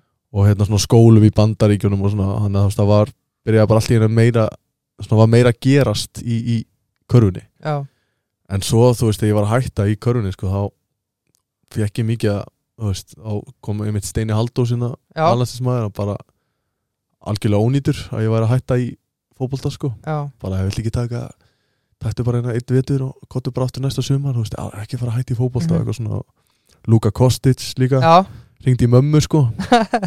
Bara heyrði, hann má ekki gera þetta sko. Það, hérna, veist, og hvort það er satt eða ekki þá var eitthvað skátt frá Vestam sem að hafði áhuga að fá mig út sko. Já, hvað varst það gaman þarna? þá er ég hvað, 15 ára eða eitthvað. Ok, 15-16 já Ég er vestamandáðandi sko. Já, það, hérna, þá var ég búin að vera þarna á landslýs Já, úrtaksæðingum sko í, í fótbolta. Og, og þá á hann að hafa ringt í mömmu og, hérna, Luka Kostic það að segja og sagt bara, hérna, má ekki hætta það er bara að vera að skoða hann hérna vestam er eitthvað, veist, áhuga á bjónum út til æfinga og eitthvað svona. Já. þannig að, veist úkslega erfitt að að- að sita sig eða þú veist, En hugsa um kliftur það þið bara algjörlega á strengin eða Já, æður eitthvað smá eða hætti bara alveg bara? Bara alveg Já, alveg, það var ekkit svona eitthvað að dempa sér niður en eitt hannig, það var bara algjörlega klift á fótboltastrengin sko. Já, og ég veit ekki alveg af hverju. Nei. Þú veist að ég hérna En þú ert kannski komin að þann aldur að þú getur já, verið báðu nei, þú veist, þetta var bara svona eins og þetta hafi átt að gerast sko. Já, það var svolítið þannig, bara þú veist, ég bara vaknaði bara einn morgunin bara, heyrðu, ég er bara köruboltamæður, í dag er ég köruboltamæður og ætla bara að vera köruboltamæður já, og það var svona skrítið að hugsa um að ég tók ekkert svona samtölu með um pappa eða neitt veist, ég bara ákvaði þetta sjálfur sko landslýs úrtaki, hvaða menn voru þarna? Ég verð Svona- endur að skjóta þess inn í sko. að- að gleymist að Martin var sko harrasti vapor maður landsins Já. Alltaf í kliftum sokkum Er yfir það sko. Já, Já, þetta, það brautir þetta lúka sín tíma sko Þetta var, þetta var, Ronaldo var svolítið að byrja með þetta hana, þessu tíma. Pappi var alltaf að vinna hjá Östubakka sko, sem var með nækið Já, Já, Þannig Já, var það ég, ég málið? fekk þetta aðeins ódýrara heldur, heldur hinn sko. En hérna Það er bara einhvern veginn svona með allt í Allar ákvæðin sem ég teki Hef ég bara tekið algjörlega sjálfur. Já, Þetta er svo hætt í skólanum eftir tvö ár Og fara beint í atvinnumennsku. Þú veist, ég tók það ákvæðin bara upp í sumabústa Bara skrifandir atvinnumannsamningin í herbyggi Með Já. fjölskylduna frammi Og svo kom ég bara fram, heyrðu, ég skrifandir atvinnumannsamning Ég er hætt í skólanum.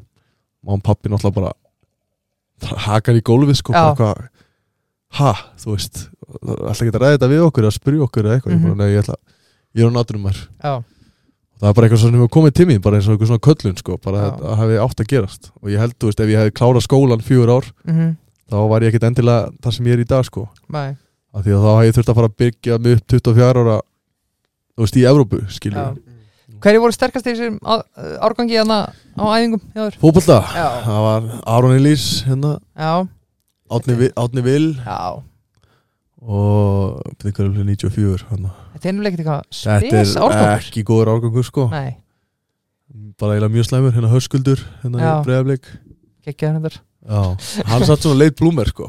Já, algjörlega. Og hérna svo margir sem voru góðir á þessu tíma sem að ég veit ekkert hvað eru í dag sko. Eins og hérna fjalar í sem var í Ía sem var bara svona var bara honum full þroska bara 13 ára bara þorðir ekki að spila á mótanum sko. Og hérna, nei 94 ágangun er ekki ekki eitthvað til hann að fer ekki í sögubækunar nei, ekkert eitthvað rosalega hátt skrifaði sko. En Aron Elís er kannski svona sá sem hefur já. náð lengst í þessu 94 ágangi sko. Við spyrjum alla knafsumlega sem við fáum uh, Sko reyndar þú með þetta. Þetta er þetta er rosalegt. Stærsti klúbus er þetta að fá þig og hann er komið strax með vestam í fótboltanum.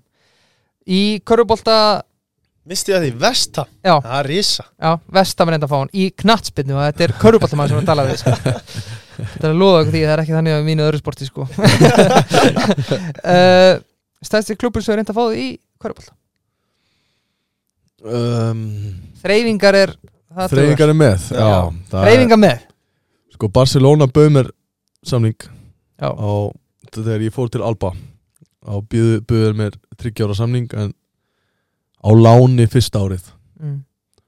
og svona sagan með Barcelona þú veist, þeir bara taka endalusta leikmunum og, og lána það út og ef þeir blómstra þá taka þeir á tilbaka sko Já, þetta er ná Chelsea mótilið Já, svona þannig að veist, það heitlaði mig ekki mikið mm -hmm. að hérna vera þá, þú veist, eitthvað annar lið en ég var að spila fyrir væri, þú veist, þeir Já. sem að ráði um mér sko en, þú veist, uh, Milan á, á Ítalju um, já, Barcelona alltaf Fenerbahce er huge í Körubólta mm, hvað er mér að gleyma ég er alltaf búin að spila núna með tveimur stæðstu liðum í Európu, Alba Já. Berlin og, og Valencia um, já Panathinaikos Já, Gríklandi Rauðastjarnan í, Mhm. í, í Serbíu ég fengi, já, mikinn áhuga bara held ég frá flestum liðum í Európu sko. já. Hver er umbásmaðurinn? hann heitir Kristos, Griki og hérna bara, já. Er að standa sig vel?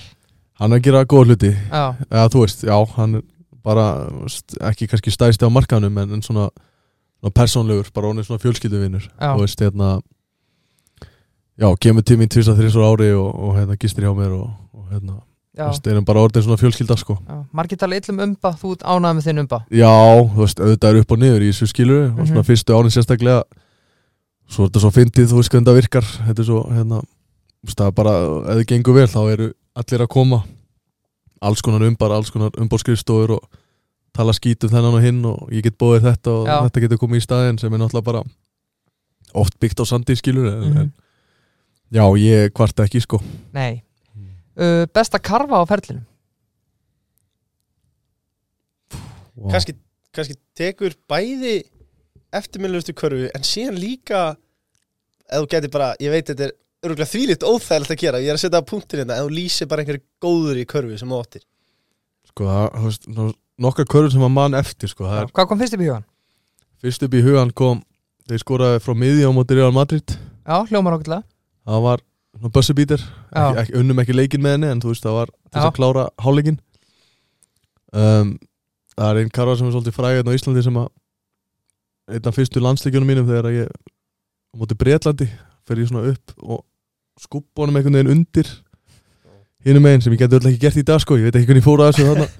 Og stóð að broti á mér í leiðinni sko. Um, þetta game winnerinn á móti Swiss hérna heima. Já, einmitt. Hann var Ég man eftir honum með þess Já. Alltaf svona bussibítarar sko. Þú, Já. þú mann svolítið eftir þeim. Já, Það er svona, þeir standa oftast upp úr. En, en Já, líka svona þegar maður er skorað frá miðju og eitthvað svona, það er svona skot sem þú ert ekki að taka sko. Sem að, sem að gága upp. Uh, Leiðilegasti leikmaður sem við mættu á velli? Fyrir utan leif. Nei, leifur er með. Það er líka bara gott svar. Uh, Sko, Er, er, er þetta svo í handbóltan? Við verðum að klípa á svona já, þú náttúrulega mannst þegar ég tala um Brynjar. Já, Já, að hérna ég heiti Birkir bæði Já, ég veit það, ég ég er að tala um Brynjar það byrja að skjóta á móti. Það er eitthvað í þessu bríu. En hérna sko, ég held að ég hafi svolítið heppin að alast upp með Brynjari í KR og dekka hann á æfingum og láta hann dekka mig. Já, þá var einhvern veginn allt eftir það bara piece of cake. auðvelt sko þú veist, það var Er bara hann þú, pain eða? þú fóst á æfingu bara, heyrðu, er ég að fara að fá er ég að fara að brjóta nefi á mér í dag hann er ekkert þú að grínast á æfingu Nei, nei, það er bara svakalegur sko mm. Þannig að þú veist, ég held að það hafi bara gert allt auðvelt eftir að kynnast því 16, 17, 18 ára gamalt sko, að þurfa að dekka hann á æfingum Já, þá var náttúrulega bara en enga virðingu fyrir mér sko. þú veist, þá var náttúrulega bara, var ég þarna einhver lítill bjakkur og, og hérna, hann bara gætt svona bara gert það sem hann vildi sko, og ég bara sagði ekki neitt þú veist. þannig að já, Leifur, svo eru alltaf með fótballspenningu Five a side, virkar það líka í körpall eða? já, það virkar enn betri í Já, körfu Five a side, bestu sem þú spila með. Bestu sem ég spila með. Sko, ég veist alltaf bara best að nefna alla Íslendingana sko. Já, já, maður myndar svona betri tengsl og, og að maður myndar svona eitthvað spesial með þeim. En svo getur náttúrulega nefnt miklu stærri þú nei, já, já, þú bara eins og vilt. Já, sko, myndi allt, alltaf setja elvar náttúrulega í mitt lið. Og hérna og Tryggva uh, Jón Arnór. Þú mátt samt alveg horfa í klefan líka Nú stemming og Já, svona. Klefa líka, sko, það eru náttúrulega margir sem að koma til Mhm. greina, sko.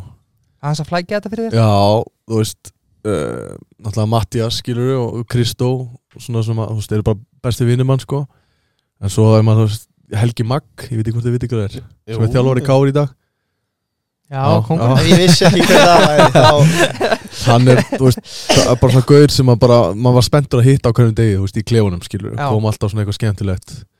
Um, svo er náttúrulega bara verið ma maður verið í klefa með mörgum bara mönnum sem að ætti bara að leggja inn, sko. Létt fannar þið einhvern tímann Fannar, heyra Fannar Ólafs, ég ætla að fara að nefna hann, sko, skilur, þú veist, alltaf bara þú veist, það kemur, það er bara til eitt svona eintak í heiminn, Já. skilur og, en svo eins og úti þú veist, þá get ég nefnt náttúrulega bara sem kannski engin þekkir, sko, eins og uh, Luke Sigma og Já, og hérna, spilaði með Derek Williams sem var, nú, var nummið tvö Já. í, í NBA sko. Já, og, og veist, að vera í kringum svona gauð sem er bara stórstjarnar sko þú veist, er, er alveg geggjað, eða þú veist, bara svona upplifa en samt bara gauð sem er svo ógislega hjartbundin og bara þú veist, er með þrjú, fjúr followers á Instagram en bara þú veist, pælir ekkit í neinu sko. Mhm, þú veist, það er gaman að kynna svona gauðum já. Og bara eins og Nikola Kalinic sem er sem maður sá þú veist, maður sá hann taka menn hálstakki á æfingum og, og, og hérna þú veist, olbúar og broti nef og, og hérna bara slást við fólk sem var að vinna í kringu lið skilur, Já, frá, hann er frá Serbíu sko. Bara svona ógeðslega blóðheitur bara hérna. Lét ekki neitt, lét ekki neitt vaðið yfir sig og hérna hann maður hefur séð margt og, og, og gert margt sko en, en rosalega erfitt að velja svona fimm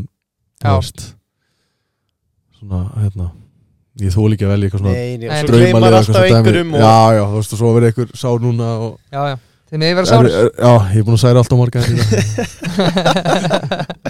Er það komið að rittara spurningunum Og ég hveti alltaf til þess að kíkja í Chess of Dark rittara á Facebook eða fylgja okkur á Instagram Það sem er alltaf að lögma okkur spurningum fyrir þætti og við tökum þær allar. Það er bara þannig. Já, já, og það er einn Það hérna frá Það er bara svolítið, hann spilar ekki, hann spilar bara næsta leik og, uh, En fyrsta spurningin er frá Arnar Inga. Og hann spyr einfallega Hvaða leikmanni var erfiðast að spila á móti? Var einhver sem að keiri ykkur bara í kaf?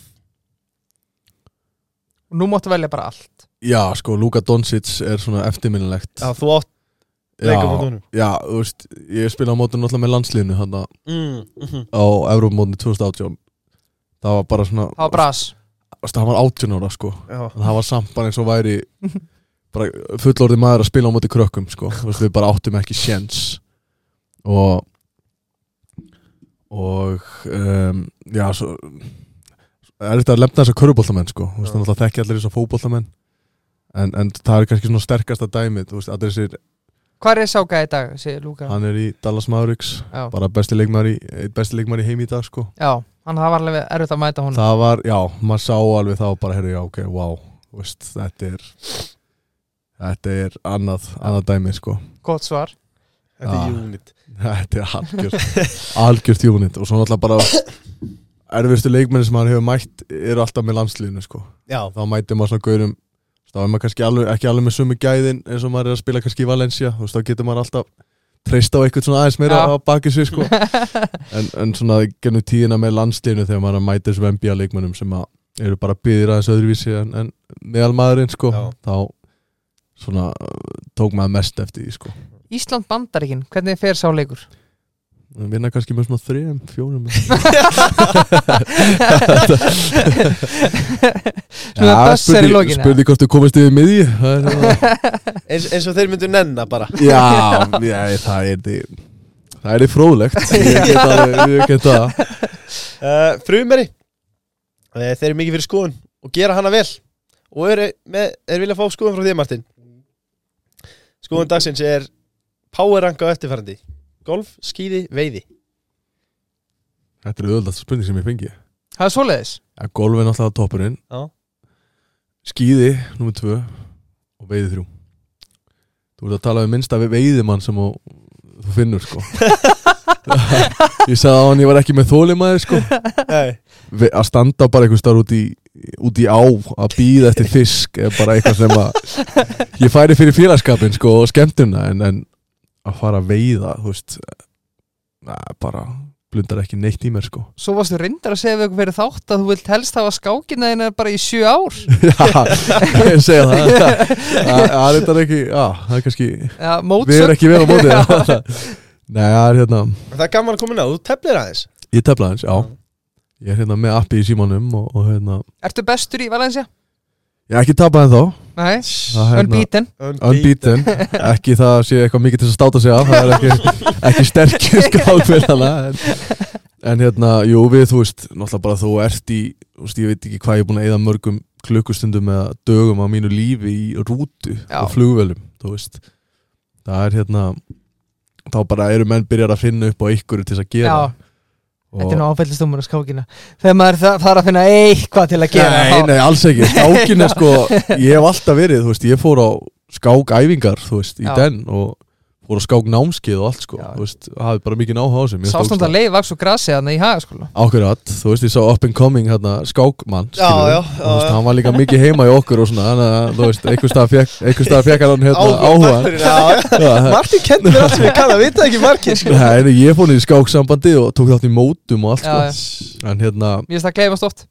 Já, það- skákin er virkilega heillandi. Ég er kannski meira að tala um, þú veist þegar menn voru farin að búa til sín eigin kasínó sko, það sem að bara einn var húsið og hérna menn voru bara komið í blackjack og hérna þú veist, menn að mæta með 30 tómi flatskjá og, og, og Playstation og þú veist, bara ég get nefnt alls konar alls konar leiki sko sem að menn hafa komið upp með hana en hérna, já skákin er mér er bara geggja sko. Já, já. hérna, sýta bara með gott podcast og sýta með Chess After Dark með, með Birki og hérna og Þetta hérna náðist. og hérna, já, hlusta á gott podcast og spila skák sko, mér finnst það bara geggja Ein, Algjörlega. eins og tónlist í okkar er. Uh, En Óli Valur hjá Barjón Mosó. Hann er reynda með tvíð þetta spurningu.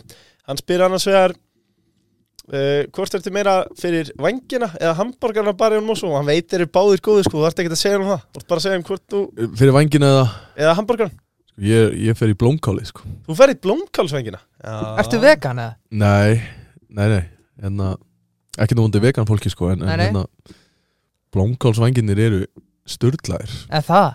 Ég hef aldrei gefið sens Nei, þú er að testa þá hot blómkálsvangir eru rosalegir. Ég er alltaf að fyrir á hlöllabátar ekki og það. Hann á, á Nei. ekki líka það? Nei, það annað. árið ekki ekki Já, það ok, þá tökum við það tilbaka En hérna, gott að taka sko Eru vonlausir. Hlöllabát og, og blómkáli saman Já. sko. En En hérna, bara í Mosó erum við blómgarsvangi, sko. Já, ég er hérna Blómkálsvanginir eru mitt, þú veist Já. hérna, Eru svona mitt go to Ok, Og ég er mikill- Mikill vangja fenn líka samt sko En, en blómkáli er Já, rosalegt. Ok, Ég er búin, ég er búin að fara á Barjón, by the way Já, já, vel gert. Hann stoltur af því. Svo vel gert. Ó, Svo gaman að Já, við að Það eru alltaf þessum að lauma nokkur lóum í gestina, sko en uh, Hvort ertu meira í steipu eða brefinu spyr Óli Einni Steipuð að brefinu Já Bréfunum. Þú ert svolítið í Já, bæði ég er svolítið mitt á milli sko Já. Ertu 50-50? Ertu 50-60? Já, ég á meira í steipu Já, ok en, en eins og flestir, vantlega bara já, þú veist, ég held að þú vart að eiga helviti mikið að brefum og Já. ætlar að hérna, eiga Ég upp geð í þér tvær íbúið sko Ég geð þér 100 miljonar núna uh, Þú fara að velja hvað setur mikið í bref, hvað setur mikið í steipu Þetta er smá sengjant út af því að þú ert náttúrulega líka alltaf að gýra því í steiminu En já, ok. Til þess að, já, Já, þú gæti stakrætt íbúð. Er ég að horfa á íbúið til þess að leiða út? Eða til þess að búi, Bara ræður. Sko til þess að leiða út þá fari ég 50-50, alveg klálega mm. fyndi einhverja góða fyrir 50 að leiða hann út og 50 í brefum bréf, já Búið til kassfló líka. Já, en ég var að fara að búa ykkur starf á 100 beint í steipu. Hann er ekki verið að búið 50 miljonar í íbúð. Feki góða kjallar einhver stað Hann fekk ykkur að hjóla gefst Já, djúvill er þetta orðið erfitt ástand maður? Látt okkur ekki uh, Ef þú mætti velja eina mannesku á lífi eða ekki á lífi til að spjalla við hver verða og af hverju? Þannig kemur einn djú frá Hildi Björg þessi er góð maður. Eina mannskjöf til þess að bara eða kvölsinn með. Já, á lífi eða ekki á lífi sko sem körubállamæður væri ég alltaf að velja Michael Jordan. Þetta er ógislega leiðilegt svar, ógislega þurrt svar. En þú veist, þið myndi alveg taka hérna Messi eða Samt þú voru að pæli samt þú Við erum að tala um alla í Maradona, heiminum. Maradona, þið myndi alltaf taka Maradona. Hérna kvöldstundum Maradona, bara spyrja út í alla sögur skilur Já, það getur alveg, alveg orðið gott kvöld. Já, bara að segjast að hafa hitt Michael Jordan daginn Instagram mynd skilur, nokkuð like á það. Já, en 1-2 bara, bara setjast niður með honum bara heyra hvernig hann æði sögur, veist, Mm. það sem hann hefur lent í. Þú getur rétt ímyndaðir þú veist, þessi gaurar skilur bara þessi rockstjörnu lífstíl sem hann lifiði þú veist, á þessum tíma, engin ekki Snapchat, ekkert Instagram, þú veist, það var ekkert sem var að taka hann upp eða hann var að gera eitthvað sko. Hann getur gert allt sem hann vill. Já, bara endalaus skítur þarna sko, þú veist. En, en svo þetta myndi ég vilja hitta langumu skilur eða eitthvað svona en, en, Nei Ég ætla ekki að bókar- neitt út í þessu þætti. Já, ok, Michael Jordan. Michael Jordan held ég, já Ok, En þú veist, svo var alveg gaman að sittast með Barack Obama og eitthvað svona bara já. En já, Michael Jordan er alveg gott sjátt. Já. Leifur, hvað með þú taka? Ég held ég myndi taka Michael Jordan Ha? Já. Bara segja það því Martin er fram Nei, nei, nei, þú veist Var ekki, bo ekki Bobby? Fischer það? Nei, ég, ég, svo, sko, ef það væri ekki hann þá væri það bara ángríns einhver innræðisherra, sko bara, þú veist, einhver sem hefur haft svona Já, áhrif á Kim Jong-un söguna. eða eitthvað, sko. Mitt Já. svar er svo easy, sko Þú veist, ég, ég var alveg til að koma staðins inn í hugarheim Hitler, sko, bara hvað er að frétta Já. gamli, sko Já Viltu vita mitt svar eða?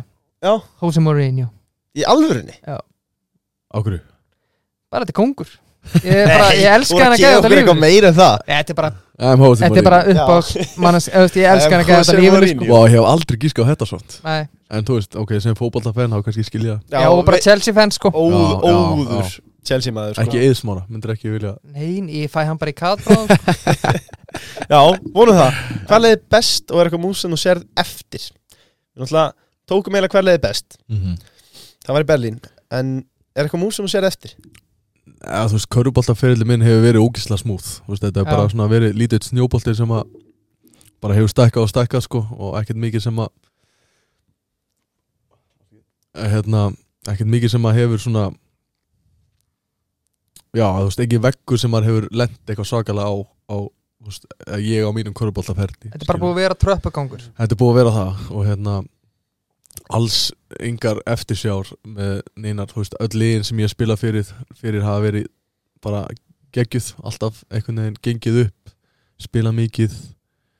Um, þannig að svona ef ég horfi á liðin sem ég spila með, það er engin eftirsjá þar. En ekkert eitthvað tilbúð sem þú hefði getað tekið en varst áfram eitthvað þannig?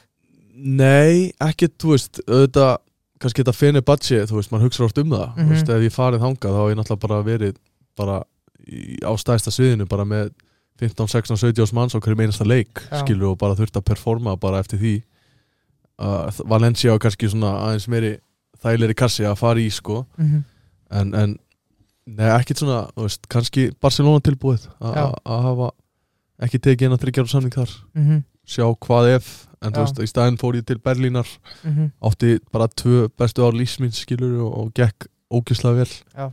Bæði einstaklislega og liðslega og bara kynntist veist, mörgum af mínu bara bestu vinum í dag skilur Mhm. þannig að það er svo mikið samt og hefði bara eins og já. með alla sko alveg sama hvað þeir gera í lífinu það er alltaf þetta og hefði sko en, Mhm. en ég, nei ekkert þú veist, ég sef alveg á nætunar sko er Já, ekki hérna ekki vesen þar, tannig Nei. kannski eftir sjáum bara að það ekki valið fótboltan sko Er, er það alveg smá? Er alveg 100% tjóka er svona 5% sem að hugsa Nei, alls ekki, þú veist ef að köruboltaferillin hefði farið í eitthvað fokk sko, þá, þú veist, hefði ég slítið crossband 23 ára að byrja aðturumannferillin þá já, Já. veist, þá hefði ég örgulega lifað ég eftir sjá allt mitt líf sko, en, en á þeim stað sem ég er í dag þá er ekki, ekki vottur að því sko. Nei, bak, baksýni speilin snýr fram í bílu þín Já, ég er bara ekki með spekla sko. Hann tók hann, hann tók hann út. Ég voru ekki eins og til hlýðar eða neitt sko, það er bara hort, beint áfram. Frumeri, lokið einu nú núna. Er hérna Já, frumur er meira tár og svo Já, þú veist, ég, eins og ég var að segja við, við Birkina á þú veist, það er bara ef mann hefði sett sama effort í fótboltan Mm. þegar maður mætt á morgunæðingar og allt þetta, þú veist, fyrir skóla í fótbolta og, og, og hérna, lögt, lagt sömu vinnuna í fótbolta. Þú veist, þá er, það er alveg mikið ef að hefði, sko. Já. og hérna, kannski einhver sem hlæja því bara, neða, gati, gati ekki neitt í fótbolta eða eitthvað, skilur en, Já, vildi fá það sko. Já, þú veist, í minningunni fannst mér ég vera ógeðslega góður, skilur það var í landslíðinu þannig á sjálfmótinu og svona. Já, Leifur þú ofsam eitthvað skoður sko. Já, já, ég, maður vel eftir En uh, hver verður MVP á næsta tímbili í NBA, spyr Unna Páll Curry Curry, Já. en einu sinni Já, ég held að ég, eða, þú veist, það er, samt sem, þú veist, það er miklu erfæra fyrir hann að verða MVP heldur en þessar stóru gura, skilur Já, já að því veist, það er miklu erfæra að fá stóðsendingar heldur en að taka frákast Mhm. Þannig En að, hann tekur nú nokkuð frákustinn sem er magna já, stærð, sko. já en, en þú veist, ég held samt svona Antetokounmpo Er sé svolítið auðvitað svarið, sko. já, þú veist, hann er svolítið bara að fara held ég að dominata svolítið þessa dild, Já. Það er bara ekki einn önnur svona, þú getur alveg fundið svipað típ og Steff Curry, skilur Er Líbrón búin að gefa út hvernig hann hættir eða? Hver er Líbrón? ekki, ekki, ekki segja lípró Ég kallar hann það Líbrón Þetta er, þetta er verðum Brynjar sko. Það er- bara árum að kalla það Brynjar. Mér finnst að fara það rúkslega vel Svo Brynjar slegur Seta sér svo smá maður Ok, fólk uh, Lebrón uh, Er hann búin að gefa út eins og Ronaldo? Maður veit aldrei hvernig hann hættir sko. Nei, sko Lebron ætlar að spila með sinni sínum. Ok, Hvað er hann gammal? Hann er held ég 2-3 ári hann. 17, Já, 6, 17 held ég hann má náttúrulega ekki fara átinn eins og pappi sín Ég held hann sé að fara eftir næsta ár í NBA Já. Eða þú veist ekki það að hann sé eitthvað geðu góður þú veist, hann er alveg Er hann góður eða? Já, þú veist, hann er alveg hefur En hann er hæfileika, sko. ekki, þú veist Nei, þú veist, hann er, hefur alveg hæfileika Já, en, en eh, sem svonu Lebrón þá Já. ferðu, ferðu inn sko. Já, þú veist, það er bara, það er látið gerast taldu klíkuna Já, það hafa aldrei verið feðgar í NBA þannig að það er Nei. alltaf bara þeir eru alltaf að láta það gerast sko. Það er líka allir að býja eftir hann sko. Ég veit ekki Já. hvað, ég veit mörgum klukktum ég að reyna að rannsaka hvort hann sé í alvörinni góður sko. Og hann er auðvitað bara góður sko. hann, Hann er ekki- hann, Já, hvað er hann, fórstar rekrút á sín tíma og, Já, sem er alveg gott sko. Já, sem Þú er veist, mjög gott já. sko. Já, já, veist, hann hefur hæfileikar sko. Veist, Þetta er ekki svona Michael Jordan sem að bara kunni ekki að grípa bólta sko. Veist, það er- Það er náttúrulega svakalegt að sjá feðga í NBA sko. Veist, það er náttúrulega bara Ég ætla, ég ætla ekki að býja eftir sinni mínum í, í, í söpindildinni sko. það er þetta Dóminustöldinni Já, Domino, sorry. Mm, mm, mm, mm. Rétt skal við rétt. Herðu, talandi um styrtaræða Þá erum við koma að ræðaspurningunum Já, ok. Uh, Það eru kemi og, og við vorum aðeins að ræða saman fyrir þátt. Hvað er það með, hvað er það með marga styrta það? ég, er bara með góði er ekki, ég er ekki svo að borga fyrir það uh, Já, en þú, þú varst að segja okkur aðeins frá því fyrir þátt að þú ert mikill útilegu maður og fjölskyldan. Uh, Kona mín, já. Já, kona þín. Ég, hérna, Fellísi Fellísi rétt, við keftum Fellísi fyrra Og Er það poor man's hjólísi? sko, ég fyrsti 26 ára maður í heiminum Til þess að eiga Fellísi, sko. Og bara bíl með krók og eitthvað þú veist, Það er bara, þetta hefur ekki sést í sögunni á þér en, en kona mín ólst bara upp við þetta, skilur Ég ólst ekki upp við þetta. Já. Þú veist, þegar var farið í einhver útilegur þá var ég alltaf með fjölskyldin í sumabústað eitthvað aðeins fyrir Mhm. utan eða, hérna, eða bara kert tilbaka sko. Um, en kona mín er bara alveg upp við þetta og henni finnst þetta bara geggjað þannig að ég, þú veist uh, fannst, mér fannst þetta ógislega leðilegt í fyrra, já. Ekki ógislega leðilegt við förum alltaf með svona stóru vinahóp mhm. þá var þetta ógislega gaman. En svo núna fórum við daginn bara þrjú og, og hérna og ég er bara alveg að detta í delluna sko, þú veist En fyrir framtíðar aturum en þetta er ekki fimmsetni hótel og eitthvað svona. Þetta er bara hjólísi og Nei, svo er það bara geggjað, þú ert búin að vera í tíu mánuði bara í Já, þessu, bara hótelum og eitthvað svona Já. dæmi, sko, þá er þetta bara Jartenging Já, þú veist, ég er ekkert að segja ég sé að lifa bara eins og Bill Gates, sko, eða þú veist, það er þetta að bara Er, láta er, frá, er, sko. er, er ekki gaman fyrir ofurstjórna Martin Já, Henderson þú veist, í það er svo gott að fara úr svítunni, skilur þú veist, Pítur láta einhvern ekki vera að nutta með lafinna, skilur það er hérna Það er enginn að bera honum í morgumatinu sem var- Nei, nokkulega, það er ekki Nei. morgumætt í rúmi Það er kannski verst að þetta Það er hérna Það er skulum aðeins róa okkur En hérna, Það er ógislega mikill sjarm í þessu að vera bara í, með á- krókin Með krókin, þú veist, þurfa að hafa eins fyrir þessu Þú veist, opna allt, setja fórtjaldið Þessi getur fórtjald á 180 skall, sko. Já, Já, Hvað er, já, hvað er það? veist, hvað er það, skilur við Þú veist, það er ekki gert það. Er Þú veist, ég er að, með öll, þú veist Ég er búin að kaupa auka eldúsinnréttingu Auka heilsudínu yfir dínuna sem var inni. Þetta er bara hún íbúð þetta er bara, þetta er svona tveggja tveggja mjöla pakki, allt Já. sem ég er með þarna í útilegu sko, Já, sem er gjössanlega sturla sko, en hérna en þú veist, þetta, svona minn dýrkar þetta skilur og, og, og konu finnst þetta ógislega gaman og, já, og þetta er ógislega gaman í góðum hóp. Algjörlega. En, en hann ætla þarf að þing ef þú ætlar að tjálta til meira en einna nætur sem ég gerir nú ráð fyrir að þú gerir Martin. Hún er gert almennt. Yfirleitt Já. uh, Bíóaktiv enzim í, í ferðarsalerni Þú verður að passa það. 2857 krónur. Flugnabanni 16.196 krónur. Já, Svo getur fengið innvissi glerheinsinn á 30% afslætti Og að sjálfsög Silipappa skífuna komin á 60% afslætti og kemi. Nei, Ég er ekkert að grínast ég tek sko. þetta allt. Það- Ég tek tvent af hverju.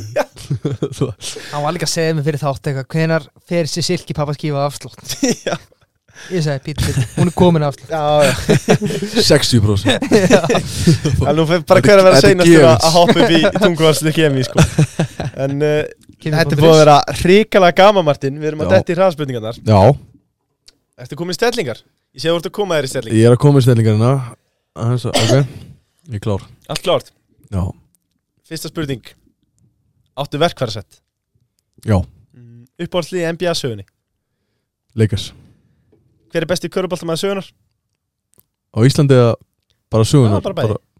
Ég á Íslandi. Rétt. Og, Rétt. Við skiptum við þetta rétt í hraðspurningu Þetta er rétt. Rétt svar. Og hérna uh, Jordan.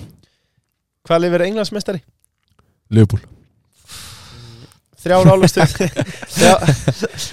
Hann er veikur sko. Þrjár álugstöðundur á Dómunspítsuna uh, Pepperoni, bacon og uh, pifarostur mm. Uppáhalds matur Humar. Messin eða kaffi krús? Er það trick question? eða? Það er rétt. Já, bæði rétt.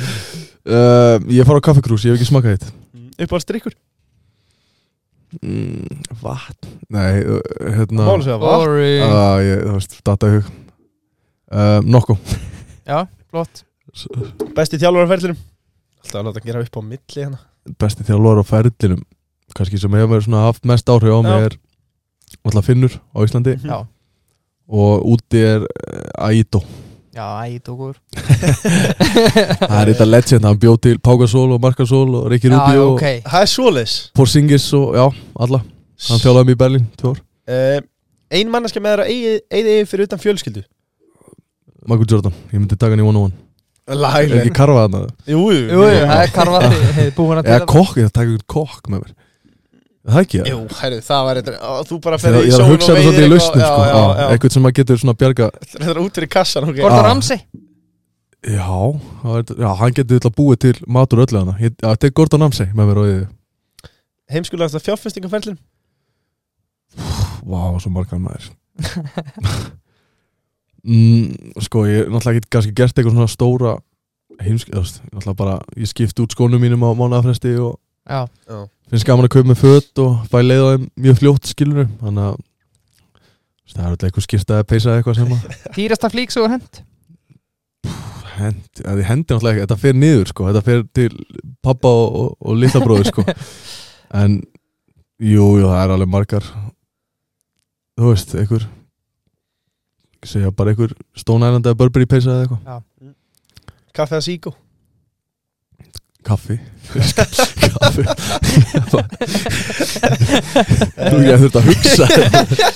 Þessi er góð maður. Aldrei reynt, aldrei reynt á æfinni sko. Sjöfulli, leifur þessi var helliti góð vandaði mig, ég vandaði mig. Um, Túra stranduði bát eða tógara ha, hvað sagður? Veiði túr á stranduði bát eða tógara tóara, Það alltaf. sjálfs, Ah. grjótarður, Útrúð það hafi ekki verið síkara sko. sannleikan að konto bara þetta alltaf tíman sko. Uh, Mjög gott, hvað er það mikilvægast í lífinu, Martin Hermansson? fjölskyndan Við fengum náttúrulega sundur og saman enda síðast Þannig að Þórildi, hún segi Hamingju kynlíf, það er líka gott svar. Það er eitthvað ekkert eðla gott svo Nei, mér fannst það geðið til hún ég sagði tekið þetta tilbaka Það Algjörlega, herru, það er búið að vera virkilega skemmtilegt að hafa í kvöld, Martin. Takk Já, fyrir. bara takk hella fyrir að hafa mig og hérna, ég byggðist afsökunar á, á öllu sem að gerðist hérna í dag. Brynjar og leifur, þeir hverja í kvöld. Að Gott að vera Brynjar og Lalli, þið eru alveg, alveg frábæri Já, Lárus, stóðstu þér. Herru, því líka fyrir. Sáast á vikuleginni